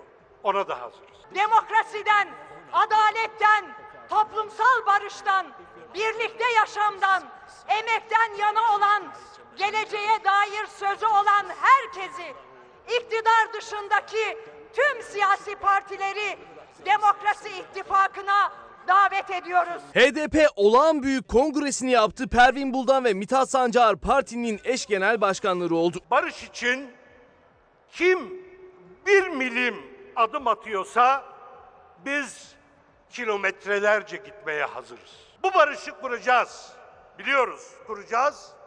Fakat bu barışı nasıl kuracağımızı da bütün toplumla müzakere ederek belirleyeceğiz. Toplum olarak barış mutabakatını koruduğumuz sürece AKP MHP çözümsüzlük ittifakı amacına ulaşamayacaktır. Halkların Demokratik Partisi Ankara'da dördüncü olan büyük kongresini yaptı. Ankara Spor Salonu'ndaki oylamada tek liste halinde gidildi seçime. Pervin Buldan ve Mithat Sancar 838 oyun 836'sını alarak eş genel başkanlık görevlerine seçildi. Biz bu ülkeyi Türkiye demokratlarıyla birlikte yöneteceğiz. Buna gücümüz var, buna inancımız var, buna birikimimiz var. Hiçbir kimliğin, inancın diğerinden üstün olmadığı eşitler anayasasını yapalım. Seçim sonrası konuşan Sancar ve Buldan Dolmabahçe mutabakatı çıkışı yaptı. Yeni bir çözüm süreci istedi. Dolmabahçe mutabakatıyla yürüyelim. Tek çıkış yolu Dolmabahçe mutabakatına geri dönmektir. Dolmabahçe mutabakatına geri dönelim diyor HDP'de kongrede Teoman Ekim. O da bir Galatasaraylı mutluyuz ve senin tarafsızlığına ve centilmenliğine teşekkür ediyoruz diyor Teoman Ekim. Ertan Dinç Twitter'da Dinç Erta. Soylu bakan ol- olmadan önce Erdoğan için çok sert sözler söylüyordu. Gezi yorumları güle göz kırptığı bir dönüm noktası olabilir mi diye soruyor. Ertan Dinç de Gül'le Soylu arasındaki polemiğe böyle bir bakış açısı getirmiş efendim. Sözcüden geçelim Hürriyet'e. Hürriyet'in manşetinde bakalım neler var. Ahmet Hakan, gazetenin yayın yönetmeni Sağlık Bakanı ile konuşmuş. İran sınırını kapattık, karantinaya al dedik, almadı. İran'da virüsün çıktığı yer Kum kenti. İran Sağlık Bakanı'na kumu karantinaya alırsanız sınırı kapatmaya gerek kalmaz dedim. Alamayız dedi. Biz de sınırı kapattık. İtalya virüsün çıktığı bölgeyi karantinaya aldı. İran'da kumu karantinaya alsaydı buna gerek kalmayacaktı.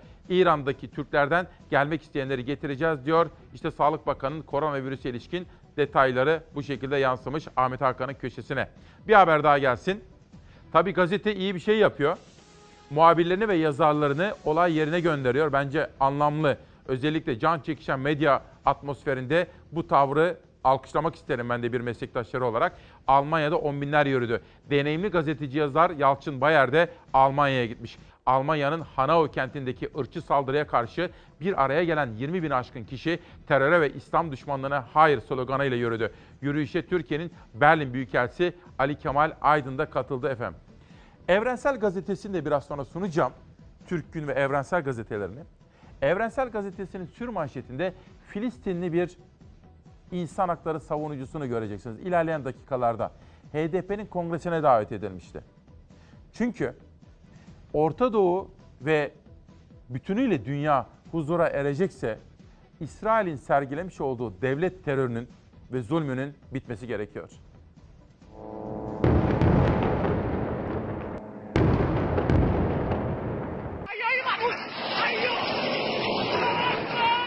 Gazze'den İsrail tarafına 20 füze atıldı. İsrail Gazze'ye hava saldırısı düzenledi. Filistin'de tansiyon yine yükseldi. Filistin'de İsrail'in işgalci politikaları çözümü zorlaştırıyor. Tel Aviv yönetiminin barıştan uzak eylemleri yangını körüklüyor. Dün İsrail abluka altındaki Gazze şeridinde bir Filistinliyi şehit etti. Cansız bedenini almak isteyen Filistinlilere izin vermedi. Üzerlerine ateş açtı. Gerginliği arttıran da bu oldu. Akşam saatlerinde Gazze tarafından İsrail'e 20 roket atıldı. Tel Aviv atılan roketlerin 13'ünün İsrail hava savunma sistemi tarafından düşürüldüğünü açıkladı. Ölen ya da yaralanan olup olmadığına dair bir bilgi paylaşmadı.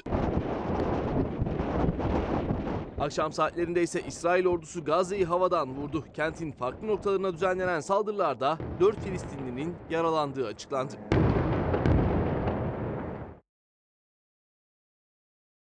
Şimdi koronavirüse ilişkin Yusuf Kereci ve Mehmet bize bir takım bilgiler veriyorlar, soru soruyorlar. Çağdaş Timur Demir de bir soru sormuş ama verdik haberi. Hiç haber saklamadan veriyoruz. Biz burada işte haber saklamamak üzerine kurguladık. Dedim ya sizlere Genel Yayın Yönetmeni Doğan Şentürk'le birlikte Türkiye Gazeteciler Cemiyeti'nin düzenlediği bir panele katıldık cumartesi günü. Müthiş bir kitle, bin kişilik. Kadıköy Belediye Başkanı da geldi. Kadıköy salonlarında yaptık.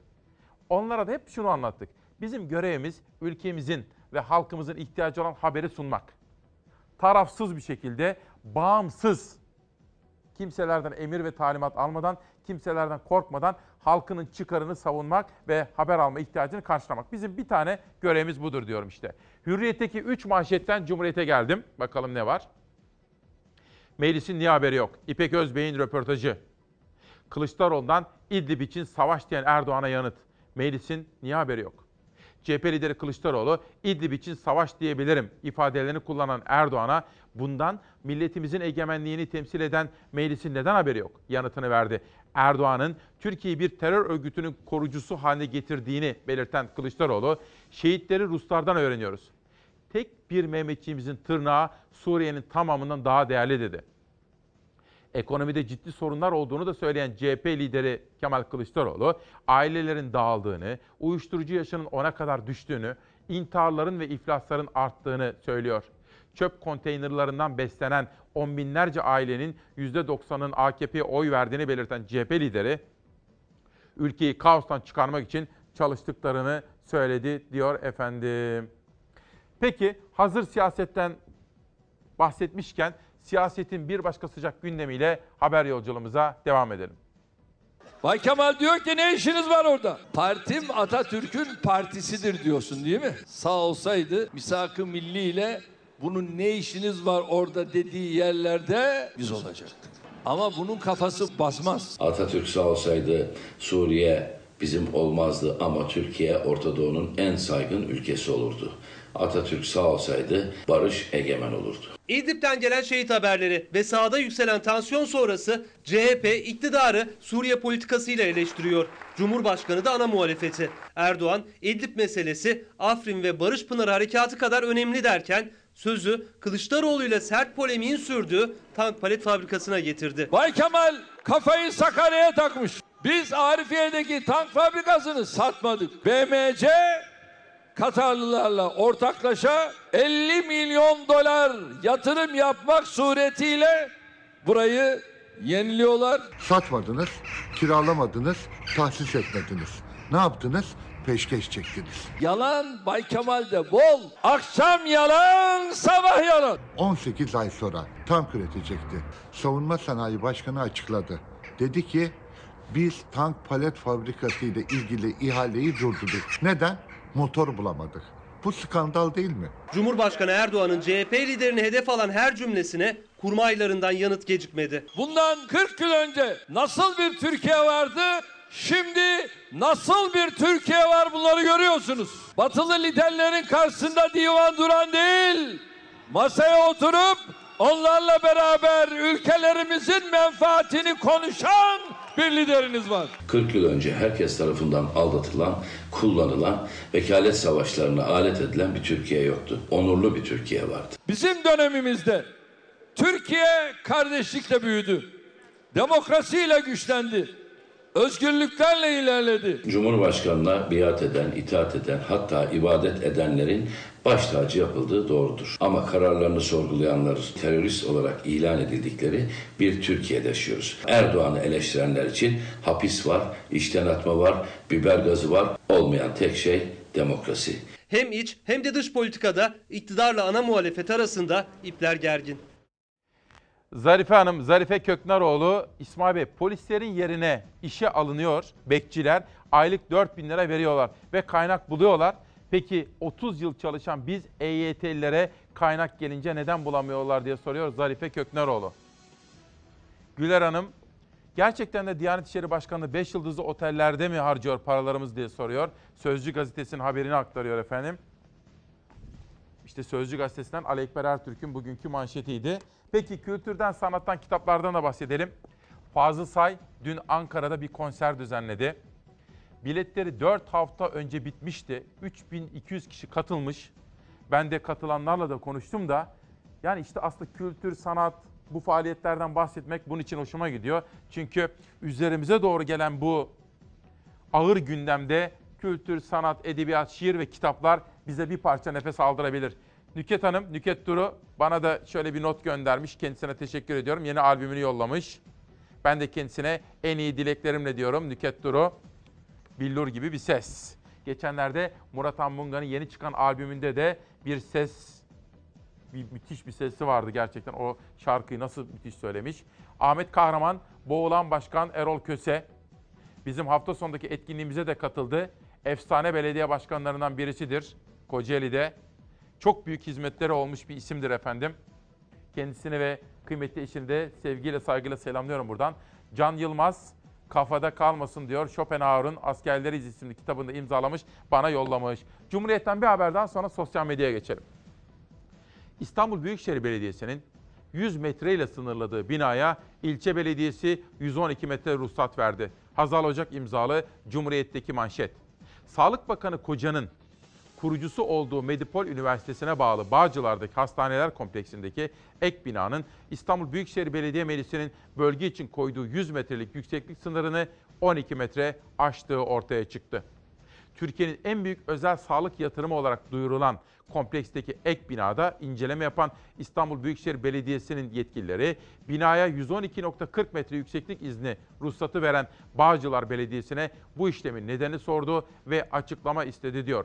Sağlık Bakanı Koca'nın kurucusu olduğu hastane ile ilgili bir tartışma Cumhuriyet Gazetesi'ne işte böyle yansımış. Serdar gel sosyal medya manşetleriyle devam edelim. MHP lideri Bahçeli açılışına da katılmıştı. Sizlere haberini sunmuştum kendi kütüphanesinden seçtiği muhtelif konulardan oluşan kitapları geçen hafta açılan Millet Kütüphanesi'ne bağışladı Cumhur İttifakı'nın ortağı MHP lideri Bahçeli.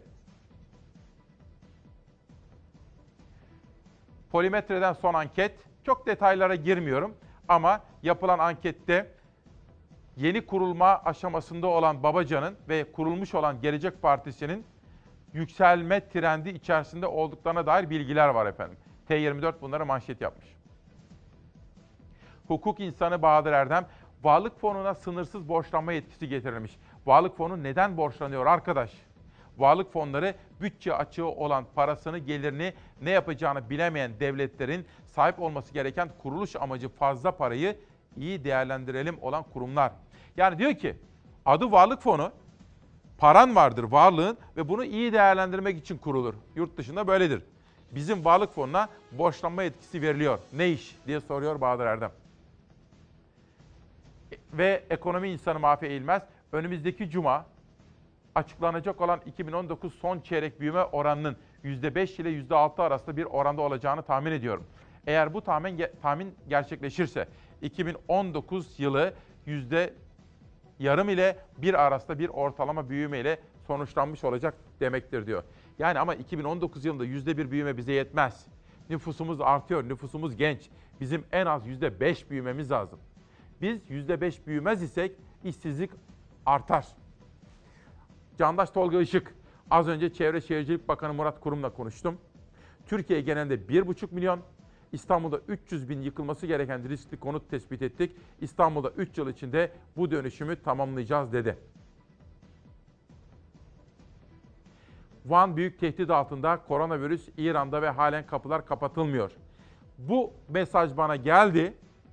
Hemen akabinde de kapılar kapatıldı efendim. Devam edelim. İsmail'im selam. Gazilerin SSK emekli maaşları kesildi biliyorsun. Bununla alakalı iyileştirme yapılacak mı? Lütfen destek verir misin? Ben gaziyim dedi. Devam edelim. Bülent Ulusu Samsun'a gitti geldi. Milli Mücadele'nin kuruluş yeri.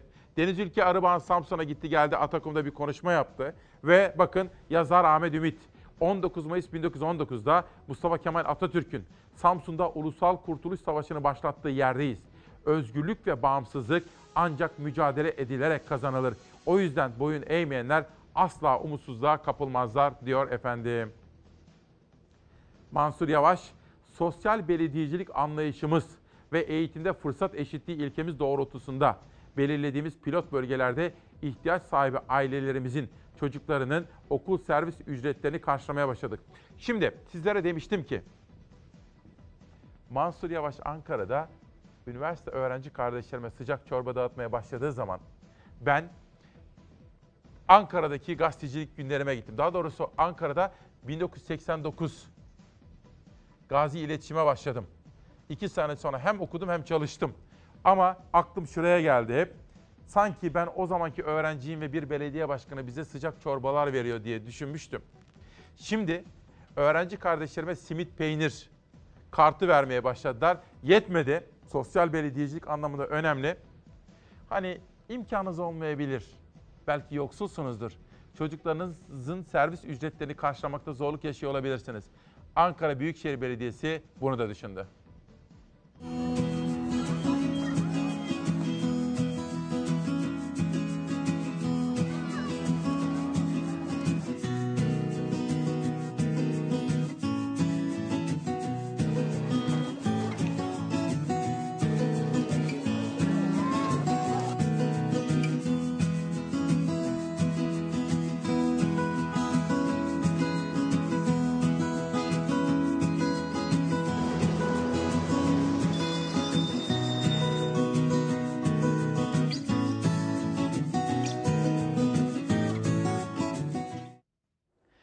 Aslında biz belediye başkanlarından bunu istiyoruz. Ben AK Partili, CHP'li, MHP, İyi Parti, HDP hepsine şunu söylüyorum.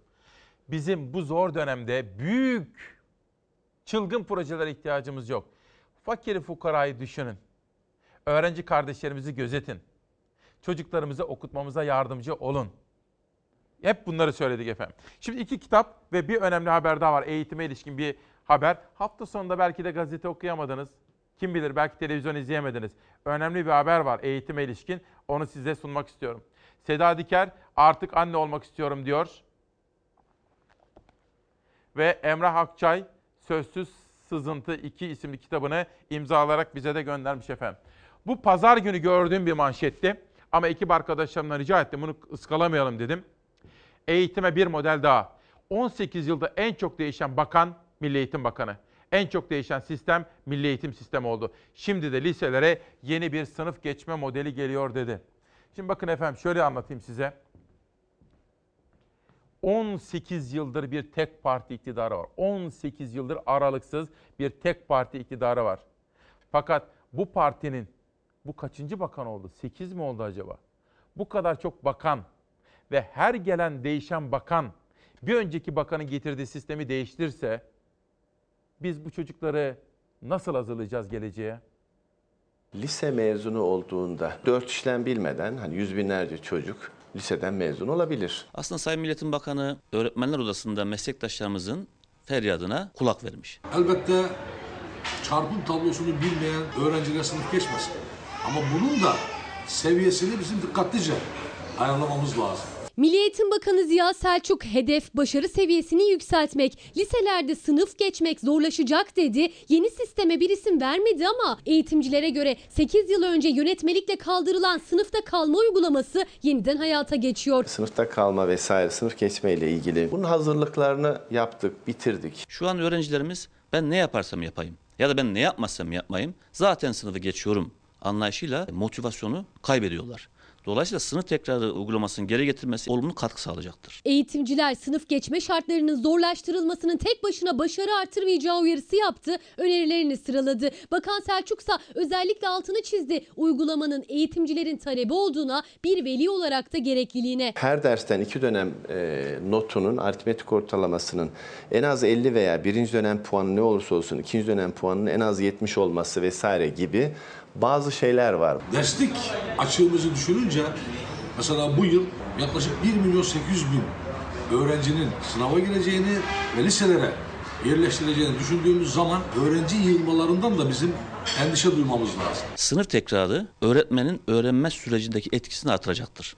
Çünkü öğretmen not verendir. Bakan eğitimde seviye düşüklüğü yaşanıyor hatta 4 işlem bilmeden mezun olunuyor diyerek sistem eleştirisi de yaptı. 2020-2021 eğitim ve öğretim döneminde liselerde pilot uygulamayla hayata geçeceğini de söyledi. Öğrencilerimize de lise 3'ün ortasında ani kural değiştirip de bir sıkıntı oluşturmak istemiyoruz. Bu ülkenin çocukları bizim deneme tahtamız değil. Pilotla başlayalım. Sınıf geçmeye kesin gözüyle bakamayacak artık öğrenciler. Başarısızsa sınıf tekrarı yapacak ya da sınıf geçme ortalamasını yakalamak için daha çok çalışacak. Van'da diyor 15 yıl yaşadım, görev yaptım, kendimi Vanlı gibi hissediyorum diyor. Çağdaş Yaşamı Destekleme Derneği Başkanı Ayşe Hocam, Ayşe Yüksel Hocam ve Van kalbimiz Van'da diyor afetler nedeniyle efendim. Kendisine de çok teşekkür ediyorum. Ve yeni çıkan kitaplar Feyza Altun, Sınırda 3 Kadın. Kültür sanat diyoruz. Recep Çiftçi'den geldi. Evrenin sureti. Ve o da imzalamış bize. Sağ olsun. Teşekkür ediyoruz kendilerine. Ve Diyarbakır doğumlu bir kardeşimiz. Güçlü bir kalem, bir şair, Azat. Azat Ziya Eren. O şefkati arıyor ve sabır. Bunu sorguluyor. Bu şiddet neden diye sorguluyor. Bakın. Davut dedim, Davut. Bu kalplerin kabuğu neden daha sert? Kabuk değil, kalptir yaradan dökülen. Unutkanlık nar gibi ayrılıyor tanelerinden. Davut dedim. Davut insan değildir. İnsan değil. Sabırdır. Sessizce ölen insan değil, sabırdır. 24 Şubat 2020 günlerden pazartesi İsmail Küçükkaya ile Demokrasi Meydanı'na hoş geldiniz efendim. Evvela İran'daki deprem ve bunun Van'a yansıması, bize yansıması, öncelikle başsağlığı, dayanışma dileklerinde bulunmak istiyorum. Sabaha karşı bizler hazırlıklarımızı yaparken Manisa'da bir deprem meydana geldi. Haftalardır sallanıyor. İzmir'de hissediyor ve korkuyor. İzmir'de de geçmiş olsun diyorum. Ve bugün deprem bölgesine ilişkin haberleri de aktaracağım sizlere. Bunun dışında dönüm noktası diyorum. Galatasaray ile Fenerbahçe arasındaki maç izledim. Beşiktaş-Trabzon arasındaki maçı da izledim. İki başkanla konuştum. Detayları anlatacağım ve dönüm noktası diyorum. Savaş Yıldız'dan rica etsem gazete manşetleriyle haber yolculuğumuza devam etsek efendim. Ve bu kuşakta da çok farklı manşetlerle devam edeceğim. Fanatik gazetesi bugün Kadıköy'ün fethi manşetiyle çıkmış ama bir dakika. Savaş pardon. 7.15'te vermiştim. Deprem bölgesini unutmayalım. Ну да, кем, дай мне. Yurdun en soğuk ve en çok kar yağan bölgesinde deprem oldu. Yerde kar örtüsü hala duruyor. Gece sıcaklıklar eksi 15 dereceye kadar düşüyor. Van'ın Başkale ilçesinde İran sınırına yakın köylerde vatandaşlar hal böyleyken evsiz kaldı. Deprem bölgesinde buzlanma ve don var. Üstelik deprem geçtiğimiz haftalarda yerde metrelerce kar biriken noktalarda çığ tehlikesini de tetikliyor. Kimse yoktu değil mi okulda? İran'ın Hoy kentinde aynı gün peş peşe meydana gelen 5,9 büyüklüğünde iki deprem 4'ü çocuk 9 kişinin ölümüne neden oldu Van'da. Başkale ilçesinin Özpınar ve Güvendik köylerinde kerpiç evler yıkıldı. Yerle bir olan köylerde yerde kar örtüsü hala duruyor. Gece saatlerinde sıcaklıklar bugün eksi 10 dereceye kadar düşecek. Bugün Van'da günün en sıcak saatlerinde bile termometreler en fazla 5 dereceye kadar yükselecek. Bugün bölgede gökyüzü parçalı bulutlu ancak yarın deprem bölgesi Van'da yeniden kar yağışı etkili olmaya başlayacak. Gün içinde beklenen kar yağışı kış koşullarını daha çetin hale getirecek. Öte yandan bölgede 4 ve 5 Şubat tarihlerinde yaşanan iki çığ felaketinde toplam 41 kişi yaşamını yitirmişti. Bölgede eğimin fazla olduğu kar almış yerlerde çığ tehlikesi devam ederken depremin çığ riskini arttırmasından endişe ediliyor. Bölgede sık sık yaşanan artçı sarsıntılarla birlikte çığ düşme tehlikesi artıyor, dikkat edilmeli. Salı günü yağması beklenen kar da çığ ihtimalini güçlendirebilir, tedbirli olunmalı. Bir diğer deprem bölgesi Manisa'da ise gece hava birden soğuyor, 2-3 dereceye kadar düşüyor termometre değerleri. Gündüz saatlerinde ise perşembeye kadar gökyüzünde kış güneşi görülecek. Güneş görüldüğü ölçüde gündüz saatlerinde Manisa'da hava ılık. 24 Ocak akşamı 6,8 büyüklüğündeki depremle büyük acıların yaşandığı Elazığ'da da termometre değerleri sonunda 0 derecenin üzerine çıktı. Bugün bölgede hava kapalı ancak yağış beklentisi yok. Ancak salı günü Elazığ ve depremden bir o kadar etkilenen Malatya'da yağış var. Elazığ Malatya çevreleri salı günü yağmurlu olacak. Deprem en önemli manşetimiz. Bugünün manşeti. Ve İdlib'deki şehitlerimiz, Libya'daki şehitlerimiz. Yeni Çağ yazarı Murat Ağırel'in başına gelenler. Bugün önemli ikinci bir manşetimiz işte buydu efendim. Ve siyasetteki şehitlerimize ilişkin tartışmalar. Bütün bunları da konuşuyoruz. Ekonomi. Biraz sonra soğandan ve ıspanaktan üreticiden de bahsedeceğim. Esnafa ilişkin haberlerimiz de var. Diyarbakırlı annelerin Ankara'daki buluşmaları ve çocuklar için onlar eğitim bursu oluşturuyorlar. Bunların ilişkin detayları da aktaracağım. Erken saatlerde eğitim haberini sunmuştum. Sağlık ve koronavirüs manşeti de var efendim. Bunun dışında da dönüm noktası diyoruz. Ben sabah erkenden geldiğimde burada önce sesçimiz Ozan'ı tebrik ettim. Galatasaraylıdır. Ben bir Beşiktaşlıyım. Maçı izledim. Ama fanatik gözle bakamayız. Ozan'ı tebrik ettim. Sonra İsmail abimi tebrik ettim. O da hem Erzincanlıdır hem de Galatasaray taraftarıdır. Tanıdığınız Galatasaraylıları bugün tebrik edin. Çünkü haklı bir sevinç ve gurur içindeler onlar. 23.02.2020 Fanatik Gazetesi böyle bir manşetle çıkmış. Kadıköy'ün fethi demiş efendim. Dün Fatih Terim orada gerçekten bakın şunu söyleyeyim. Böyle bir kendinize güvenli görünmeniz gerekiyor. Öyle olmanız gerekiyor. Fatih Terim o müthiş Fenerbahçe seyircisinin önünde ki bazen hakaret ettiler hatta küfür ettiler. Neyse laf aramızda küfür olmasın. Ama Fatih Terim insicamını hiç bozmadı. Daha etkili görünüyordu, daha karizmatik görünüyordu, daha soğukkanlı görünüyordu. Ersun Yanal'a göre ki bence maçın sonucunu etki eden hataları da Ersun Yanal yaptı efendim. Bu vesileyle kazandı, haklı bir galibiyet aldı ve kendisinin maçtan sonra yayıncı kuruluşun röportajında söylediği gibi iyi bir futbol oynandı dedi. Trabzon Beşiktaş maçındaki gibi keyifli bir futbol oynandı dedi. Dolayısıyla önce ve evvela Fatih Hoca'yı, onun öğrencilerini ve bütün camiayı kutluyoruz.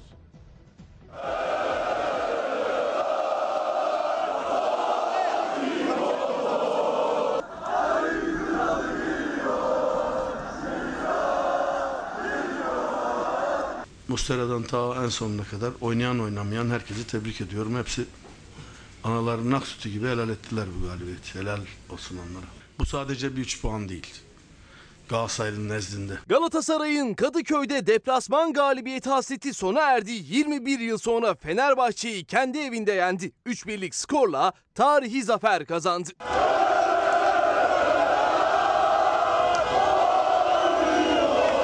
Süper Lig'in 23. haftasında Fenerbahçe evinde ezeli rakibi Galatasaray'ı ağırladı. Maçın başından itibaren sarı kırmızılı ekip rakibine kıyasla daha baskılı oynadı. Karşılaşmanın ilk golü ise 21. dakikada Fenerbahçe'den geldi. Sarı lacivertli ekip Max Kruse'nin penaltıdan attığı golle 1-0 öne geçti. Skora dengeyi getiren golü 40. dakikada Donk attı. İlk yarı 1-1 sona erdi.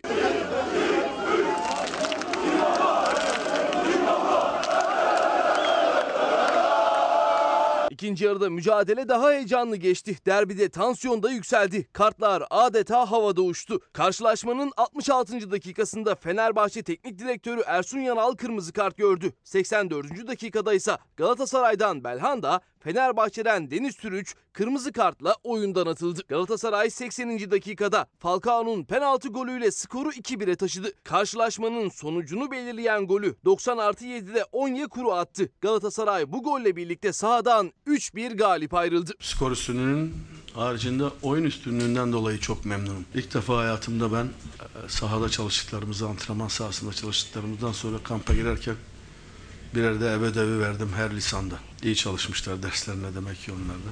Oyuncuların güveninde kendine olan e, itimatlarında, güvenlerinde, sevgilerinde, takım olmada Bunların hepsi önemli. Maç sonrası konuşan teknik direktör Fatih Terim sonuçtan fazlasıyla memnundu. Tarihi galibiyetin altını çizdi. Buna sadece 3 puan olarak bakamayız. Ee, Fenerbahçe'ye gelip burada e, seyircisinin önünde bu kadar rahat Galatasaraylı taraftarlar 21 yıl sonra gelen Kadıköy galibiyetini gece geç saatlere kadar kutladı. Bir grup taraftarsa zafer kazanan takımlarını Florya Metin Oktay tesislerinde karşıladı.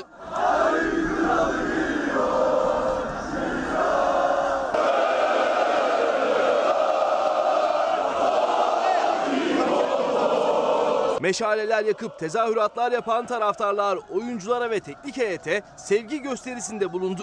Galatasaraylıların galibiyet coşkusu gece geç saatlere kadar sürdü. Sabaha kadar buradayız burada.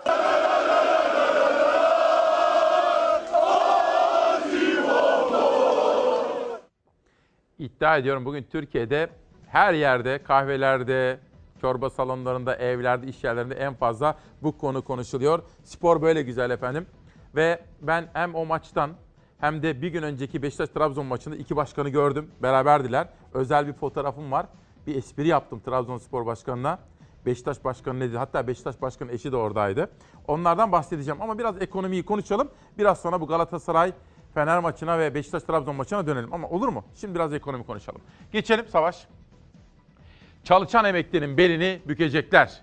Kaynak arayan iktidardan milyonları üzecek hazırlık. Saygı Öztürk imzalı bir manşet.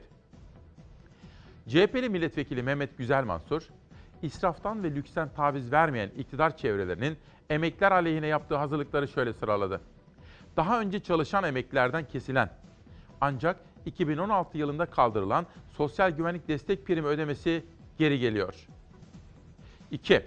Şu anda SGK'lı birinin ölümü halinde yaş şartı aranmaksızın maaşı eşine bağlanıyor. Buna 30-35 yaş sınırı getirilecek deniliyor. Bunu yapabileceklerine ihtimal vermiyorum doğrusu. 3. SGK'daki hazırlıklar içinde en insafsızlığı ise emekliden yapılan sağlık kesintisinde olacak. Hazineye kaynak yaratmak için çalışan emeklerin maaşından %5 sağlık kesintisi planlanıyor diyor efendim. Peki bir de hani hep söylüyoruz ya Ankara'dakilere duyurmamız gerekiyor. Şimdi ben çalışanım değil mi? Alın teriyle çalışıyorum burada ve paramı kazanıyorum. Bir de yarın bir gün burada olmayabilirim. Beni işten atabilirler, işsiz kalabilirim. Başımıza türlü şeyler gelebilir. Hayat bu. Bizim o kara gün için bir birikimimiz var. Onun adı nedir? Söyleyin bana. Tabii kıdem tazminatı. Kıdem tazminatına dokunulamaz.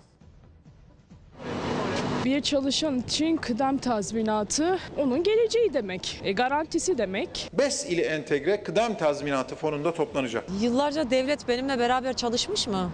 Da benim paramı fona devretmek yetkisini eline alıyor. Milyonlarca çalışanın hayatını değiştirecek düzenleme kıdem tazminatının fona devredilmesi iktidarın çantasında ne zaman masaya konacak, şartlar tam olarak ne olacak henüz belli değil ama sendikalar da tepkili muhalefette. CHP'nin hazırladığı rapora göre kıdem fonuyla hak kaybına uğrayacak çalışan. Kıdem tazminatı fonu olduktan sonraki şartlara baktığımızda maalesef işçinin lehine bir durum görülmemekte. Direkt parasız pulsuz işsiz kalacaksınız. Verdiği asgari ücret belki o bizim çocuklarımıza bir birikim olacak.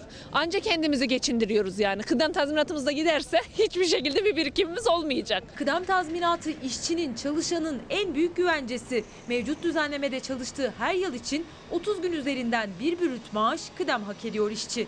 İşten çıkarıldığında da hemen alabiliyor tazminatını. Bürüt 3 bin liraya çalışan bir vatandaş 10 yıl çalıştığı iş yerinden çıkarıldığında yaklaşık 30 bin lira tazminat alacak. Aynı vatandaş kıdem tazminatı fonu iken işten çıkarılsa alacağı para sıfır. Kıdem fona devredilirse çalışan bazı şartları yerine getirmek zorunda kalabilir. Gündemdeki düzenlemelere göre yaşı gençse çalışan 10 yıl bekleyecek. Sonra ev ya da araba alma garantisi vererek kıdeminin yarısını alabilecek. Diğer yarısını ise emekliliğinde hak edecek. O zamana kadar devletin kasası hazinedeki fonda duracak kıdem tazminatı. İşte bütün bunlardan dolayı ben hayır diyorum. Bir fona devredilmesi onun e, kontrolsüz kullanımına yol açacağını düşünüyorum. Diğer fonlarda olduğu gibi. Kesinlikle kullanılacak benim param. 3 yıl çalıştınız, işten atılmadınız, kendiniz çıktınız o fonda birikecek. Bu mesela kafa karıştırıcı bir şey. Bu birikecek mi gerçekten fonda? Veya diyelim bu şu an birikti. 10 sene sonra bu verilmiş haklar alınırsa ne olacak? Ki verilmiş haklar alınıyor. İşte EYT'yi biliyorsun işte. Hükümet kıdem tazminatını bireysel emeklilikle birlikte ortak bir fona devretmenin formülleri üzerinde çalışıyor. Sendikalar kırmızı çizgimiz diyor. Uzmanlar endişeli. Çalışanınsa aklında pek çok soru işareti var. Tek isteği yılların emeği ve işverene karşı güvencesi kıdem tazminatında hak kaybına uğramamak. Yıllardır çalışan da bütün emeğini fona mı devretsin? Hakkı demek ya. O kadar senesini veriyor, eziliyor işçi özellikle. Yani hakkını almalı. Biliyoruz değil mi fonda ne olduğunu? Fona devretmenin aslında ne anlamı gel biliyorsunuz değil mi? Fona devretmenin. Fona devredince ne oluyor? Kuş oluyor. Öyle. Onun için kıdem tazminatı benim işsiz günlerimin garantisidir. Benim sağlığımı korumamın, sağlığım için harcama yapmamın, anneme, babama, varsa çoluğuma, çocuğuma bakmamın garantisidir efendim. Dolayısıyla kıdem tazminatını da başka diğer konularda olduğu gibi kuşa çevirmenin önünü alamazlar. Buna izin verilemez, olmaz. Bu benim kara gün için biriktirdiğim bir paradır. Fona çevirdikten sonra ne yaptıklarını biliyoruz. Savaş hazır mı öbür haber? Bir dakika. Çeker misiniz onu? Bakın. Fon dedikleri zaman başına ne geleceğini biliyoruz.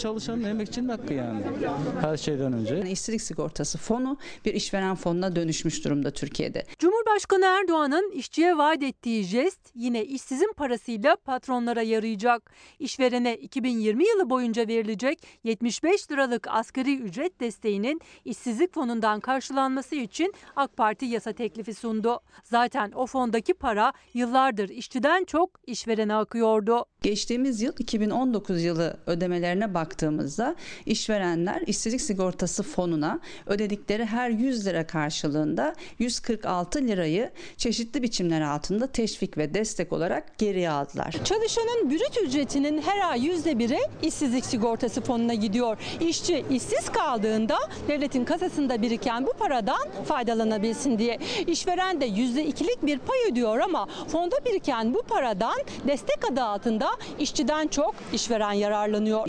İşverenler e, işsizlik sigortası fonuna ödedikleri paradan daha fazlasını teşvik ve destek olarak geri alıyorlar. Geçtiğimiz son iki yılda işsizler işsizlik sigortası fonundan patronlardan daha az yararlandı.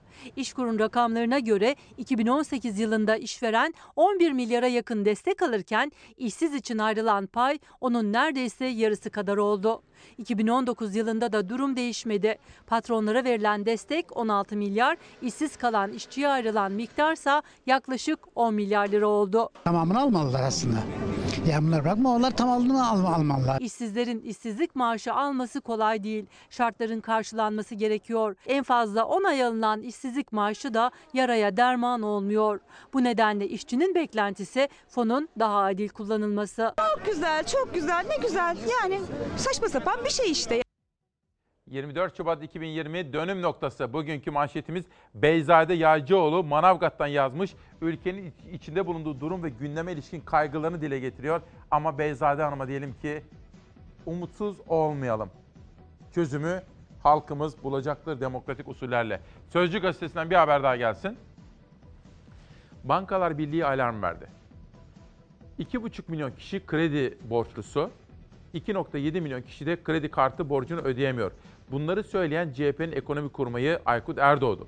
Eskiden hazinede çalışan bir bürokrattı, şimdi milletvekilliği yapıyor. Diyor ki, acilen borç yapılandırma fonu kurulmalı. Yoksa intiharlar artacak. Yani şunu söylüyor. Nasıl ki büyük iş adamlarına milyar milyar dolarlık borçlar için yapılandırma imkanı sunuluyor. Köylü için, üretici, borçlu için, esnaf için de vatandaş için de böyle bir uygulamaya gidilsin diyor Aykut Erdoğdu. Geçelim Diyanet manşetine. Diyanet'ten 5 yıldızlı toplantılar.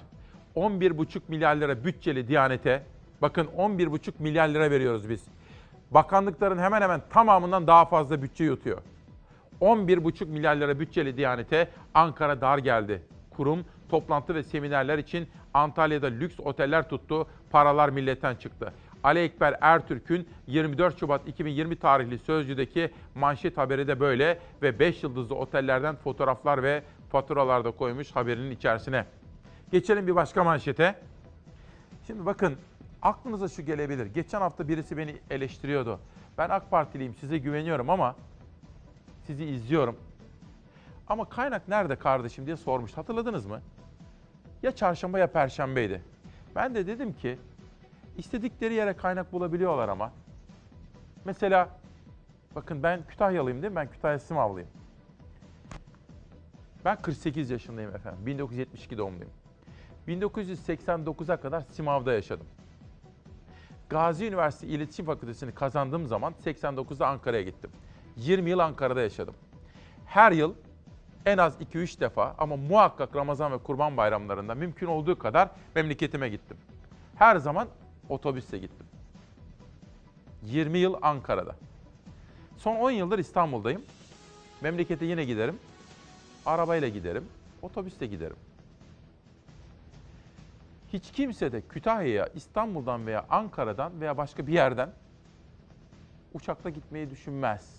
Peki kaynak var mı diye soranlar var ya. Bakın benim memleketime benim memleketime bir havaalanı yaptılar. Adı Zafer. Fakat o kimin zaferi biliyor musunuz? Benim değil. Kütahyalı'nın değil. 2044 yılına kadar uçak inmeyen, yolcu taşınmayan o havaalanına biz bir müteahhiti zengin ettik ve para ödeyeceğiz. 2044 yılında bak 2020 2044. Kaynak var mı? Kaynak var. İşte bakın Meral Akşener diyor. Kütahya Zafer Havalimanı. 2020 yılı için müteahhite verilen yolcu garantisi 1 milyon 280 bin. Bakın yani diyor ki nasıl bir hesap yapıyorlarsa Allah'ım ya Rabbim ya. Öyle bir hesap yapıyorlar ki diyorlar ki müteahhite sana 1 milyon 280 bin garanti veriyoruz. Yani Kütahya Havaalanı'na 1 milyon 280 bin kişi inecekmiş. 2020 Ocak ayında sadece 5 bin yolcu kullanmış. Yıl sonuna kadar taş çatlasa 100 bin yolcu kullanacak. Ki bu kadar olmaz bile. Kalan para yine milletimizin cebinden çıkacak. Yani efendim şu.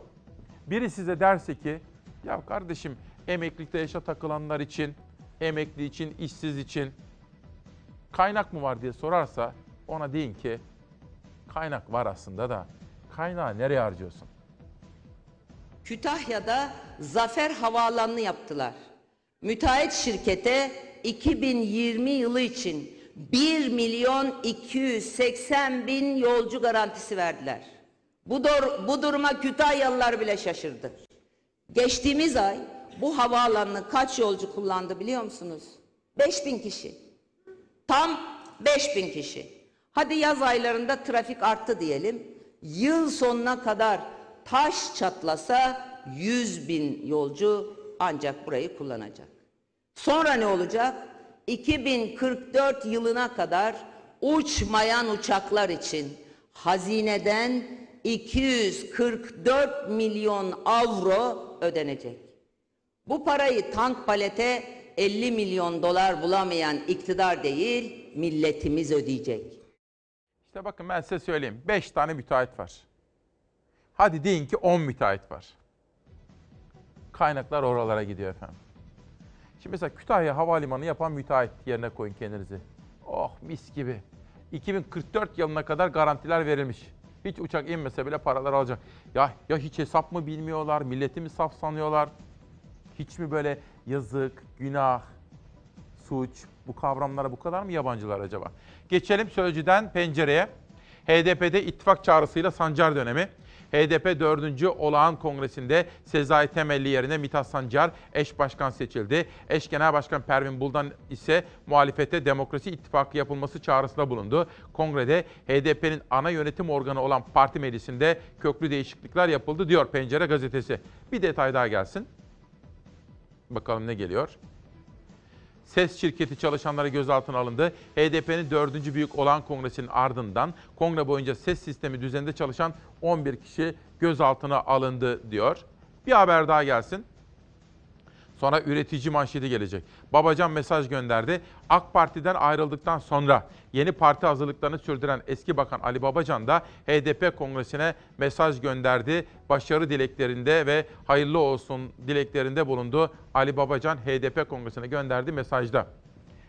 Şimdi yeni seçilen belediye başkanlarından biz çocuklarımızı okutma, onlara sıcak çorbalar ikram etme, kadınlarımızı istihdama kazandırma gibi sosyal içerikli konulara ağırlık vermeden istiyor ve bekliyoruz. Bunlardan birisi üreticiyi desteklemelerini bekliyoruz. Mesela soğan üreticisi. Diyelim ürününüz elde kalacak. Kalmamalı. Belediye başkanı üreticinin yanında olmalı. 250 bin ton soğan var. Eğer bu soğanı bir an evvel ihracat açılıp göndermezsek hepsi çöpe gidecek. Şu anda yeşermeye başladı. Soğan üreticilerinin elinden kalan soğanları da alarak en az 6500 aileye dağıtmak üzere bugünden itibaren yollara çıktık. Soğan üreticisi deposunda kalan soğanları nereye satacağını kara kara düşünürken Polatlılı çiftçilerin imdadına Ankara Büyükşehir Belediyesi yetişti. Belediye 140 ton soğan satın aldı. 22 kiloluk çuvallarla ihtiyaç sahiplerine dağıttı. Üreticinin deposunda kalan fiyatıyla tüketicinin de elini yakan soğan geçtiğimiz iki yıl boyunca siyasetin de önemli başlıklarından biriydi. Üretici ile dar gelirli tüketici arasında orta yolu ise Ankara Büyükşehir Belediyesi buldu. Depolardan çıkarılan soğanlar ihtiyaç sahiplerine ücretsiz olarak dağıtılıyor. Geçen yıl pazar tezgahlarında 7-8 liraları görünce soğan iktidar ithalat kartını çekti. Ama bu kez de üreticisi satmakta zorlandı. Maliyetinin altında bile satış yapamadı. İhraç etmek istedi elindeki mallarını ama iç piyasada soğan azalırsa fiyatlar yeniden yükselir endişesiyle bu kez ihracatı da yasaklandı. Kapıları kapattılar. Şimdi de malımızı satamıyoruz. Benim hakkım nerede? Beni kim savunacak? Ankara Polatlı'da çiftçi sesini duyurmaya çalışırken Ankara Büyükşehir Belediyesi daha önce çiftçinin elinde ürün kalırsa biz alacağız demişti. Öyle de yaptı. Çiftçiye destek çıktı. Büyükşehir'in soğuk hava deposuna taşınan soğanlar oradan da ihtiyaç sahiplerine ulaştırıldı. Lazım yani soğan her yemeğe gidiyor. Salatası oluyor, yemeğe gidiyor. Dünyanın parası baksana. Üreticisinde 2-2,5 lira, pazar tezgahında da 3-3,5 lira arasında değişiyor soğanın fiyatı. Bir aile haftada 5 kilo soğan alsa ayda sadece 65 lira soğan masrafı. 5 kilo alıyorum aşağı yukarı haftalık. Her yemeğe giriyor. Girmediği yemek yok. Pahalı. Çok pahalı. Gariban nasıl geçinsin? Mutfağın en temel ihtiyacı geçtiğimiz yıllarda elde kalınca tarlaya dökülüyordu. Ankara Büyükşehir Belediyesi'nin hamlesiyle hem sosyal yardım alanlarının evine girdi hem de Ankaralı çiftçi mağdur edilmedi. Ankara Büyükşehir Belediyesi depoda kalan soğanları maliyetinin biraz üzerine alıp ücretsiz dağıtmaya devam edeceğini açıkladı. Şimdi Mansur Yavaş diye bir belediye başkanı modeli yükseliyor. Siz bu haberi izlerken bakın orada bizim reji. Yunus abi şöyle bir gösterebilir misin ya? Bir el sallayın arkadaşlar bir görelim bakalım. Bakın orada Seçil, Fatma abla, Tülin hepsi şunu tartışıyorlar. Ya Mansur Yavaş ne kadar iyi gidiyor diyorlar. Bakın halkın görüşü. Ha sistem değişti tabii. Ha yeni stüdyoda görünmüyor. Eski, eskiden görüyorduk onları. Yani şunu tartışıyorlar. Diyorlar ki işte bak halk yani şov falan değil. Halkın yanında çocuklara çorba dağıtacaksın kardeşim. Yapıyor. Üreticinin yanında kadını istihdama katacaksın. Kadının üretici kooperatifini destekleyeceksin. Ben bunu bekliyorum belediye başkanlarından. Bu çok önemli. Çok güzel bir mesaj gelmiş. Benim de meslektaşım iki çocuğu olmasına rağmen Ergül Hanım İzmirli bizim o taraflardan üniversite okumaya başlamış. Benim şimdi iletişim okuyor. Benim meslektaşım olacak. Hakan Kocaer onun eşi. Bir müteşebbisin de eşi. Kendisini de kutluyorum. Güzel dilekler için teşekkür ediyorum. Ama herkes Ergül Kocaer gibi düşünmüyor. Bakın okumuyorum aslında ama yani isim vermemem lazım ama bunu vereceğim. Biz madem ki samimiyiz, aileyiz gelin bana. Şimdi az evvel ben dedim ki bakın ben Kütahyalıyım. Ya Kütahya'ya bakın insan kendi memleketi. Ben kendi memleketim büyüsün istemez miyim? Gelişsin istemez miyim? Zafer Havalimanı yanlış bir yatırım. 2044'e kadar bir müteahhiti zengin ettik. Ben bunları dedim diye bakın ne olmuşum. Yaman rumuzlu bir arkadaş. Sen karaktersiz bir insansın İsmail. Kendi memleketine bile yatırım yapılmasın diye siyaset yapıyorsun diyor. Güzel kardeşim, Yaman kardeşim. Bir kere bu hakareti asla kabul etmiyorum. Benim bu söylediğim aslında benim sağlam bir karakter sahibi olduğumu göstermez mi? Kendi memleketine torpil geçen birisi değilim ben. Benim memleketime fabrika yapın. İşsizlik almış başına gidiyor. Simav'da kahvehaneler doldu. Emet'te, Tavşanlı'da, Gediz'de. Fabrika yok, fabrika. Havalimanı, kimsenin inmediği havalimanı. Bu arkadaş kimmiş şöyle bir bakalım. Genç bir arkadaş. ATV A Haber'den bir alıntısı da var güzel kardeşim. Neyse. Neyse eleştiriye açığım ama hakaret etmeden bunu yapabilirsiniz güzel kardeşim. Bir başkasına hakaret etmeden de onun düşüncesini eleştirebilirsiniz. Ama kendi doğup büyüdüğü memlekete yanlış yatırım yapıldıysa bunu eleştiriyorsa bir gazeteci bence doğru yapıyordur. Ben oraya hizmetler yapılsın isterim. Ama işte bak kimse inmiyor kardeşim. Kütahya Zafer Havalimanı'na inmiyor. Milli Gazete. Döviz ve altın zirveyi esnaf dibi gördü. Beyazıt ve Kapalı Çarşı esnafı altın ve döviz fiyatlarının artmasıyla oldukça sıkıntılı bir hafta geçirdi. Ticaret durma noktasına geldi. Gram altın fiyatı haftaya 322 lira seviyesine başladı. 6.09'dan işlem gören dolar ve 6.61 seviyesindeki euro ise yönünü yukarı çevirdi. Dövizdeki artış sebebiyle kimisi ham madde alamadı, kimisi de siftah yapmadan kepenk kapattı diyor efendim.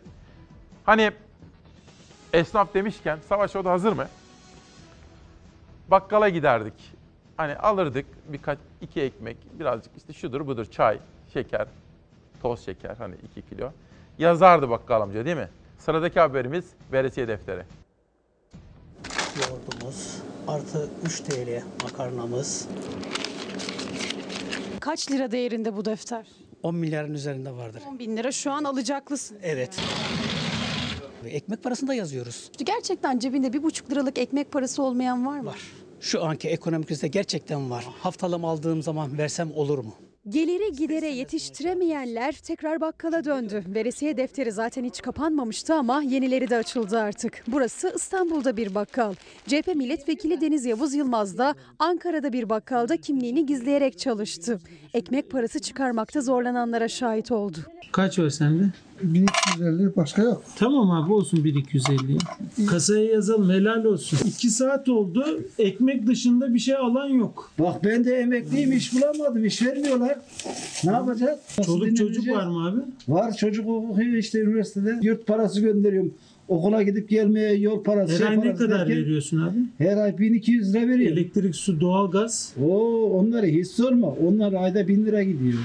1000 lira da onlara Ee, gidiyor. e, Fena ya. Abi vereceğim mi para yani? para ver. Milletvekili tüketicinin geçim hesabı karşısında ne diyeceğini bilemedi. Elindeki defterde zaten açık açık ortaya koyuyordu manzarayı. Ödenmeler de kaldırdım bunu yeni almışım yani. Ya getiriyor ya getirmiyor. Ama vermek zorundasın çünkü Evet. çocuğu aç. Elektrik parasını ödeyememiş. Geldi elektriğimi ödeyeceğim ve çekti gitti. Hala ödeyemedi mi? Yok. Yıllardır mahallenin bakkalı olan Ahmet Bey'den veresiye satın alanların sayısı o kadar fazla ki Ahmet Bey de kendi içinde bir sistem oluşturdu. Herkes bütçesine göre de satın alıyor. Örneğin Ahmet Bey'in elindeki defterde aylık veresiye alanlar not ediliyor. Hemen önündeki kağıtta haftalık veresiye alanlar ve işte bu şekilde camdaki notlardaysa günlük veresiyeler yazıyor. Bazı müşterilerim var direkt maaşını alır gelir bana hesabını evine çıkmadan. İskontoda yapıyorsun. Tabii şimdi misal 105 lira tuttu sen 100 lira ver ama öbür tarafta poşet parası oluyor. Biz poşet parası da almıyoruz. Sizin bu alacaklarınız geciktiğinde siz ne yapıyorsunuz? Kredi kartları sağ olsun bankalara çalışıyorum. Mega kent, başkent ya da Anadolu fark etmiyor. Burası da Aksaray. Tek fark kimliğini gizleyen bir milyoner Aksaray'da 5 bakkalın 35 bin liralık veresiye defterini kapattı. Onlar şanslıydı. Benim de borcum kapandı Allah razı olsun. Bin liraya kadar var. Sadece bakkallar değil muhtarlar da aynı durumda. Üstelik onlar hem alacaklı hem de borçlu. Bugün ayın 23'ü. Benim emekli maaşım bitti. E artık bakkalımıza gideceğiz. Şu şekil defterimiz var. Bu, Sizin de var. Tabii ki var. E, ama biri gelir taksi param yok veya minibüs param yok. Muhtar olmak da böyle bir şey. Vallahi ortalama bir şey söyleyeyim yani Gülşah Hanım size 20 kişiden aşağı bana gelmez. İşte bakın bu da bir Türkiye tablosu. İlknur Hanım, İlknur Pirolli bizimle birliktedir. Her sabah o da genç bir çalar saat annesi. Eşi de sanatçıdır. İsmail Bey diyor sahte balla ilgili bir haber.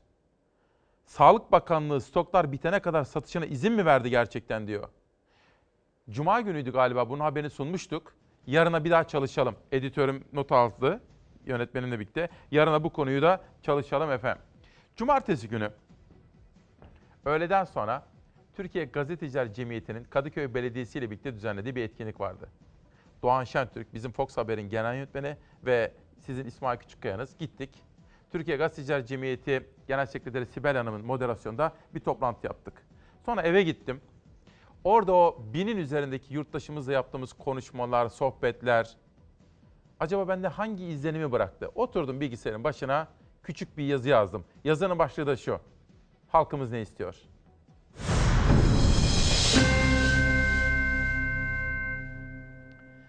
Evet, az önce ifade ettiğim gibi Gazeteciler Cemiyeti'nin etkinliğine katıldık ve Kadıköy Belediyesi'ndeydi. Bağımsız gazeteciliği konuştuk. Çok kalabalıktı ve gelenler oralara kadar 3 saat hiç kımıldamadılar ve çok büyük dikkatle izlediler. Gerçekten çok iyi sorular sordular. Ben de o sohbetlerden ve sorulardan sonra düşündüm ve bir kere daha anladım ki halkımız evvela haber istiyor, haber. Gerçeklerin konuşulmasını bekliyor. Demokrasimizin güçlendirilmesini ve cumhuriyetimizin korunmasını istiyor. Siz bunu istiyorsunuz. Atatürk değerlerine sahip çıkalım. Basın özgür ve bağımsız olsun. Halkımız adalete güvenmek istiyor. Halkımız, insanımız kendi çoluğunun, çocuğunun, torununun geleceğinden emin olmak istiyor. Ve bizlerden çevre konularında duyarlılık, hayvan haklarına saygı istiyor. Engelli çocuklarımız için, engellilerimiz için, özel çocuklarımız mesela mesela Down sendromlu çocuklarımızın hayata karışabilmeleri ve katılabilmeleri için altyapıların gündeme getirmesini istiyor. Ve sizler şiddetin her türlüsüne, kadına, doktora, ne bileyim hayvanlara, bitkiye, çevreye karşı ses yükseltelim istiyorsanız, kadın vahşetinin yani kadınlara yönelik cinayetlerin durdurulmasını istiyorsanız. İşte bütün bunlar da bizim aslında ana fikrimiz ve duyurumuz, manifestomuz. Adeta adeta anayasamız. Bize, Doğan Şentürk'e, Fatih'e, İsmail Küçükkaya hepimize, bize düşen bağımsız basına sorumluluklar büyük. Bunun farkındayız. Ama sizlerin de bilinçli olması, örgütlü olması, aktif vatandaşlar olması gerekiyor. Ve eğer hep beraber uğruna mücadele ettiğimiz bu hedefler için çalışırsak hayalini kurduğumuz noktaya ve hedeflere ulaşabiliriz. Ben bütün kalbimle inanıyorum.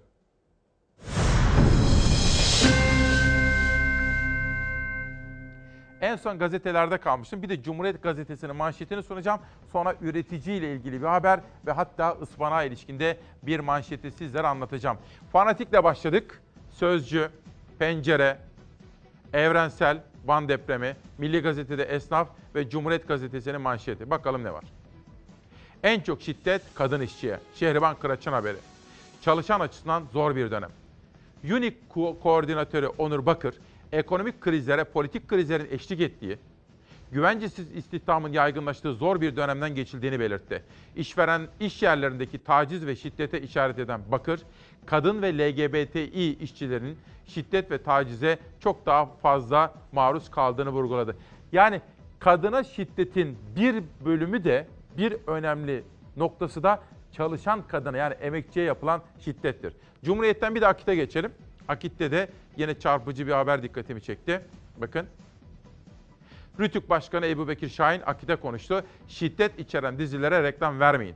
Rütük Başkanı diyor ki denetim mekanizmaları, şiddet içeren yapımlar, ceza süreçleri ve internetteki radyo ve televizyon yayınlarının denetlenmesine kadar birçok konuda konuşmuş. Hacı Yakışıklı'nın sorularını yanıtlamış ve sizlere de bilinçli olmanız çağrısında bulunuyor Rütük Başkanı Ebu Bekir Şahin efendim. Savaş hazır mı? Ka- Ispanağı bir tutalım. Kadına şiddet al. Hazır mı? İzleyelim.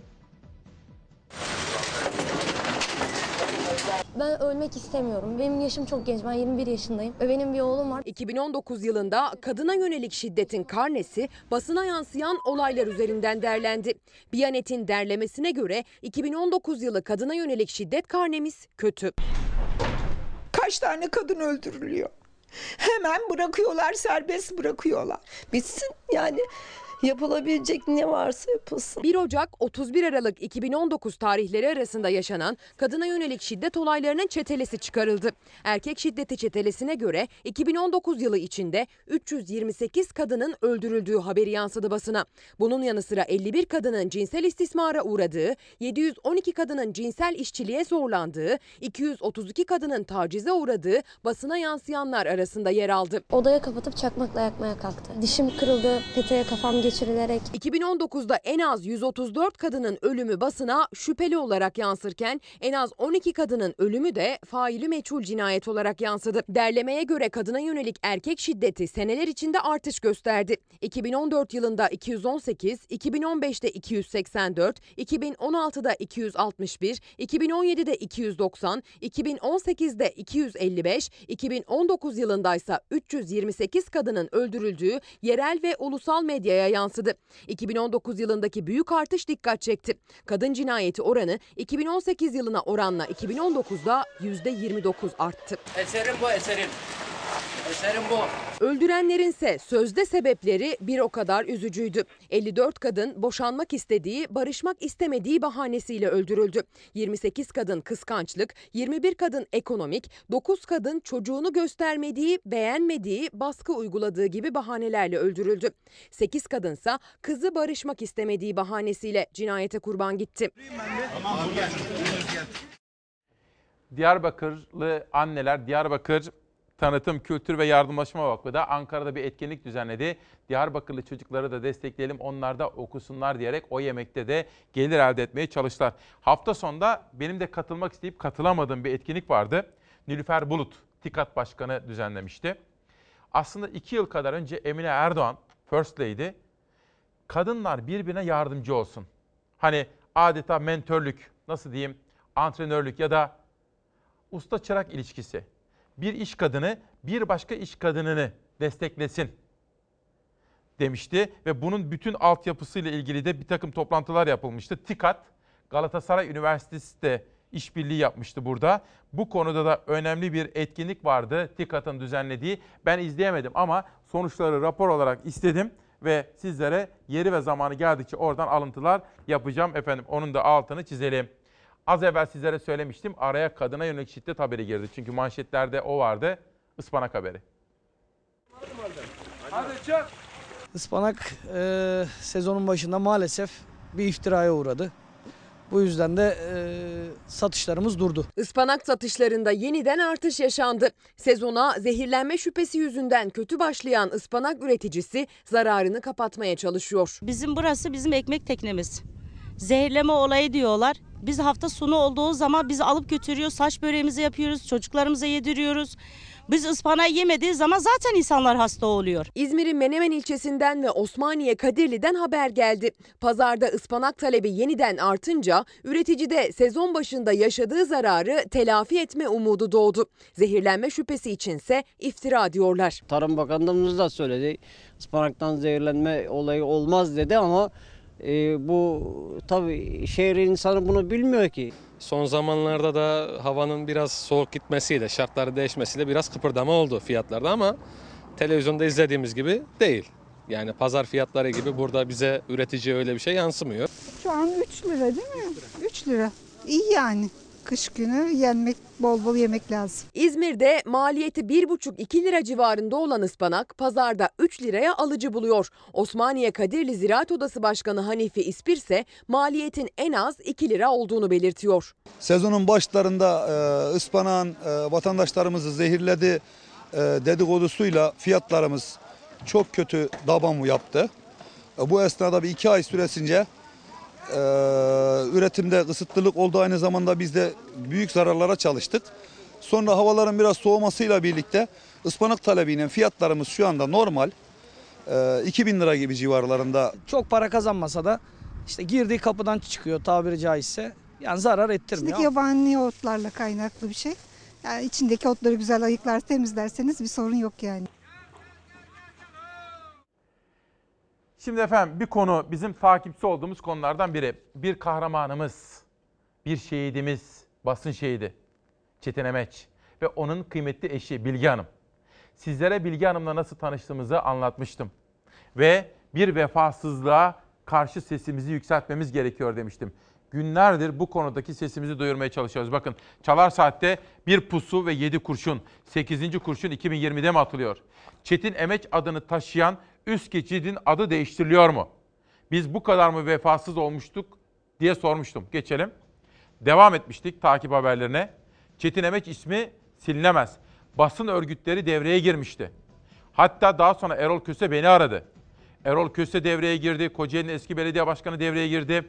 Bilgi Hanım haklı olarak nasıl bir toplumun vefasız olabileceğini sorguluyor haklı olarak. Bilgi Hanım günaydın. Günaydın İsmail Bey. Bilgi Hanım biz sizin yanınızdayız. Çünkü bir şehidi, bir basın kahramanını sevgi ve saygıyla daima anacağız ve onun emanetlerisiniz sizler bize. En son Eksik durum ne oldu efendim? Ya da şu işi Eksik kısacık bir özetleyebilir misiniz bize? Ne oldu? Size bir telefon Peki. geldi bir gün. Bize bir anlatır Evet. mısınız? Anlatayım efendim. Önce günaydın herkese. Günaydın. Efendim İzmit Büyükşehir Belediye Başkanı Sayın Fatma Kaplan beni bir gün aradı ve dedi ki bu sene Çetin Bey'in 30. yıl dönümü ona biz bir mini kütüphane yapmak istiyoruz. Böyle bir girişimleri varmış. Ben de kendisine teşekkür ettim. Ee, Biraz sonra dedik ki biliyorsunuz dedi üst geçitten dedi Çetin Emek üst geçitten ad alındı ve Erol Kese adı yazın. O kadar şaşırdım nasıl dedim böyle bir şey olur hanımefendi niye bizim haberimiz yok dedim. Yerel basın dedi çok uğraştı ama olmadı dedi. Çünkü dedi e, AKP belediye başkanı Sa- Sayın Tahir Büyükanıt öyle arzu etti. Erol Bey'in de ahbabıymış dedi. Ben tabii çok şaşırdım. Dedim ki böyle bir şey olabilir mi? Şimdi dedim siz bize yani bir dedim teselli mükafatını veriyorsunuz hanımefendi. Orası artık adresleşmiş bir yerdeniz. Böyle bir şey aramızda böyle bir konuşma oldu. O zaman dedi bana ben dedi kütüphane geri alıyorum vermiyorum. Ben de dedim ki vallahi ister verin ister vermeyin. Yani biraz böyle elektrikli bir e, sonla telefonları kapattık. Derken tabii ben biraz ilgilenmeye başladım. Baktım bütün hakikaten e, yerel basın, Kocaeli yerel basın herkes uğraşmış. Bir neticeye ulaşılmamış ve böyle ikisinin ahbaplığı de- de- neticesinde bunlar bize olmuş. Fevkalade üzüldüm. Ama sonra çok teşekkür ediyorum. Ee, başta siz olmak üzere Fox TV, Sözcü Gazetesi, Basın Konseyi, Gazeteciler Cemiyeti, basın kuruluşları ve Kocaeli yerel basını Evet. müthiş hassasiyet gösterdi ve Tabii. Erol Bey doğru yola geldi az önce belirttiğiniz gibi. Şimdi efendim ben müsaade ederseniz Tabii. Sayın Kocaeli Büyük e, Şehir Belediye Başkanı Sayın Tahir Büyük Akın Bey'e ve Kocaeli Büyükşehir Belediye Meclisi sayın üyelerine sormak istiyorum. Evet. Kocaeli'nde başka bir yer mi yoktu Erol Köse Beyefendi'ye verilecek? Benim eşim Çetin Atatürkçülüğü, Cumhuriyet'in temel ilkelerini savunan bir gazeteciydi. Günde 14-16 saat çalışırdı. Bunu bütün Babali bilir. Asla adının aşağı almasını hak etmedi. Böyle bir gazeteci değildi yani anlamıyorum ben bu o, yapılanları. Bir de şöyle bir şey ben aklıma geliyor İsmail Bey. Buyurun efendim. Efendim Sayın Tahir e, Bey Büyükşehir çok Belediye iyi Başkanı. bilirler. Evet. Kocaşehir Belediye Baş çok iyi bilir. Kur'an-ı Kerim'in Ali İmran suresi, Bakara ve Nisa surelerinde şehitlerimize gereken değerin verilmesi emrediliyor. Hatta Tabii. onlar için onlar yaşıyor, ölmez deniyor. Yani yapılan bu hareket nereden bakarsanız bakın hakikaten doğru değil. Şimdi lütfen ben yine Kocaeli Büyükşehir Belediyesi'ne yine seslenip sağduyularını şehitlerimize saygıyı davet ediyorum. Lütfen biz bakın şehit ailelerini üzmeye değil üzmemeye gayret göstersin. Bravo, bravo. İnanın ki bu çok önemli. Biz- Bütün biz- şehit ailelerimiz. Bilge Hanım biz sizin yanınızdayız. Ben buradan Kocaeli Büyükşehir Belediye Başkanı'na duyarlılık sergilemesini bekliyorum. Ben Lütfen. cumartesi günü Gazeteciler Cemiyeti'nde bir konuşma yaptım. Orada da gündeme geldi bu. Evet. Ben dedim ki ben Çetin Emeç'i tanımadım. Birebir tanıdığım birisi Evet, değil. Ama o doğru. bizim meslek büyüğümüz ve bir şehidimiz. Olmayın. Ne kadar duyarlısınız İsmail Bey. Ben bunu her yerde söylüyorum. Estağfurullah anlatıyorum. görevimiz. Öylesiniz. Eksik olmayın. Buradan Kocaeli Belediye Başkanı da e, duyarlılık göstersin. Çünkü adını vermek istedikleri Erol Köse hiçbir şekilde bunu kabul etmiyorum dedi. Zaten Evet. Gazeteciler Cemiyeti toplantısına da katıldı. Efendim ben Evet. size çok teşekkür ediyorum. Daima yanınızdayım. Ben size teşekkür ediyorum. Bütün dinleyicilerinize, izleyicilerinize hakikaten gönülden teşekkür ediyorum. Bize bu gücü, kuvveti verenlere. Sağ olun. Hepiniz Allah'a emanet olun. Hayırlı, güzel günler dileklerimle. Çok teşekkür ederim. teşekkür Üzülmeyin, ederim. olur mu? Sakın İsmail üzülmeyin. Bu iş E, dönecektir. Elimde değil, çok üzülüyorum. Günlerdir ben uykusuz. Biliyorum. Yani, Ama bu iş elimde çözülecektir. değil. İnanıyorum ben ona. Çok teşekkür ediyorum.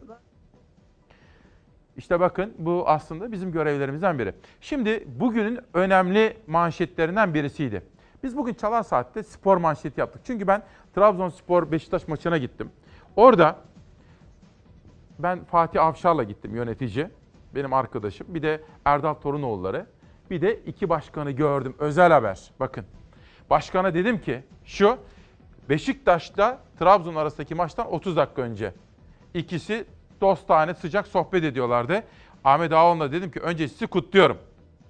Başarınız için. Sonra dedim devletimiz yanınızda dedim. Güldüler. Ahmet Nur Çebi espri yaptı. Dedi ki İsmail Bey dedi buyurun başkan dedim. Ahmet Ağaoğlu'na diyorum ki dedi. Rabbim Trabzonspor diyor bu sene. Yani espri yaptı aslında. Ben sonra Ahmet Ağaoğlu'na dedim ki bu iş nasıl oldu diye sordum. Dedi ki bak önce işe dedi doğru yerden başladık dedi. Bütçeleri ayarladık. Çok yüksek bütçeli futbolcuları gönderdik. Kaleciniz dedim ne kadar başarılı. Biliyor musunuz dedi. Üçüncü kaleciydi. Onun önünde 4 milyon euroluk iki kaleci daha vardı dedi. Aslında iyi yönetim yaptıklarını söylüyor ve bu noktaya geldiklerini söylüyor. Ama o günkü maç Sergen Yalçın'ın Beşiktaşlı oyuncuları çok daha üstün oynadılar. Ama oyunun kuralı atamayana atarlar. Kaleci niye olacak? Beşiktaş'ın kalecisi artist. Ne kadar yetenekli olduğu tartışmalı ama yakışıklı artist. Fakat Trabzonspor'un kalecisi müthiş. Golcüsü de güçlü. Trabzonspor bir puanı kaptı. Şampiyonluğun güçlü adaylarından birisi. Fakat asıl sürpriz dün geldi. Bakın Galatasaray ile Fenerbahçe Kadıköy'de oynadı.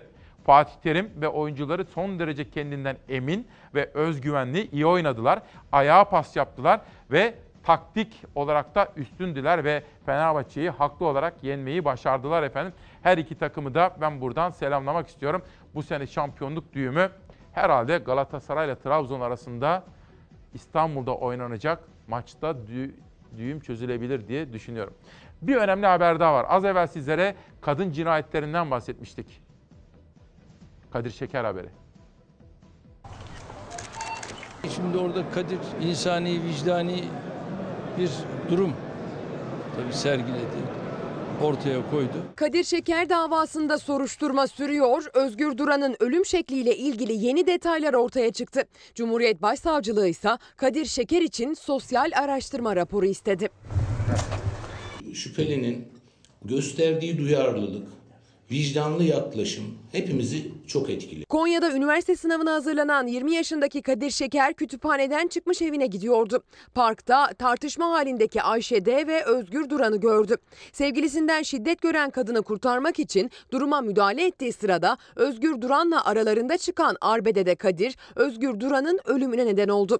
Büyük tartışmalar yaşanan olayda Cumhuriyet Başsavcılığı'nın Kadir için sosyal bir rapor talep ettiği ortaya çıktı. Kadir'in tanıdıklarıyla görüşüldü. Kadir'in Ilgın ilçesinden her gün okul için Akşehir'e giderken kullandığı serviste kadın yolculara her zaman yer verdiği yansıdı rapora. Kadir'in ailesinin suça meyilli bir aile olmadığı, ilçede tanınan ve saygın ailelerden olduğu, aile üyelerinin kendi halinde sakin yapıda bulundukları da belirtildi raporda. Adil olan ortaya çıkan sonucun toplum vicdanını rahatsız etmemesi. Kadir kesinlikle böyle bir şeyi kasti olarak yapabilecek biri değil. Öte yandan Özgür Duran'ın ölüm şekliyle ilgili de yeni bir bilgiye ulaşıldı.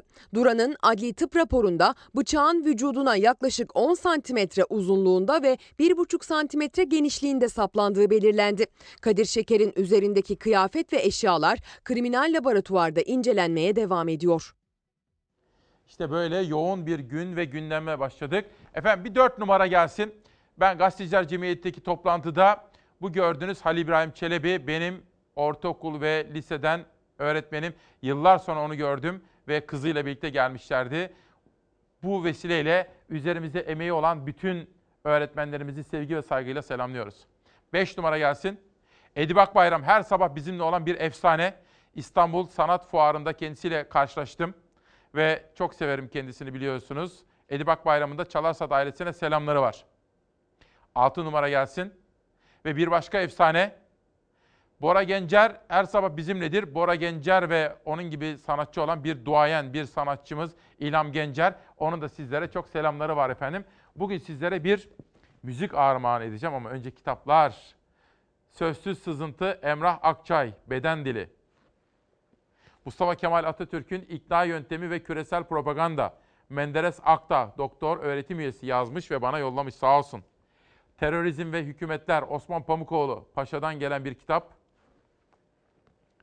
Ve Mustafa Küpçü'nün 50 62 yıllık siyaset hayatıyla Erol Köse.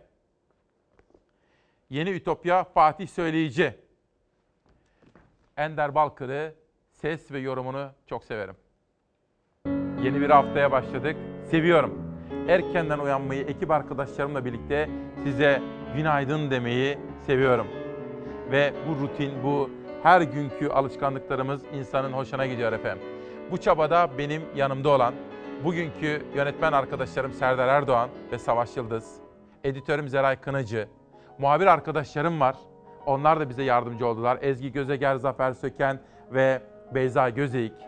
Stajyer arkadaşlarım var Muratcan ve Sude. Ve danışmanım dışarıdan benimle birlikte olan ve biz burada haber yaparken dışarıdan bizi asiste eden veya dün bir saat çalıştığımız Nihal Kemaloğlu. Doğan Şentürk yönetimindeki Fox Haber her bir bireyinin gücü, kameraman arkadaşlarım, rejideki arkadaşlarım, kurgu servisi, çalar saati çizdiğimiz arkadaşlarımız her birine ne kadar teşekkür etsem azdır efendim. Ve günü kitaplarla kapatalım. Haluk Tatar, Dikili İlişkiler. Bu arada Fazıl Say'ı dinliyoruz. Ne kadar güzel. Fazıl Say dün Ankara'da 3200 kişinin katıldığı bir muhteşem konser vermiş. Barış Erdoğan, Emes'le Çeyrek Asır şiir kitabı ve Azat, Azat Ziya Eren. Nereye gitsem bir yaranın sesini duyuyorum.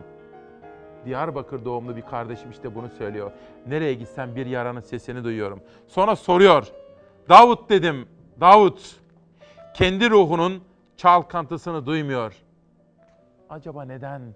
Acaba neden kimse kendi ruhunun çalkantısını neden duymuyor?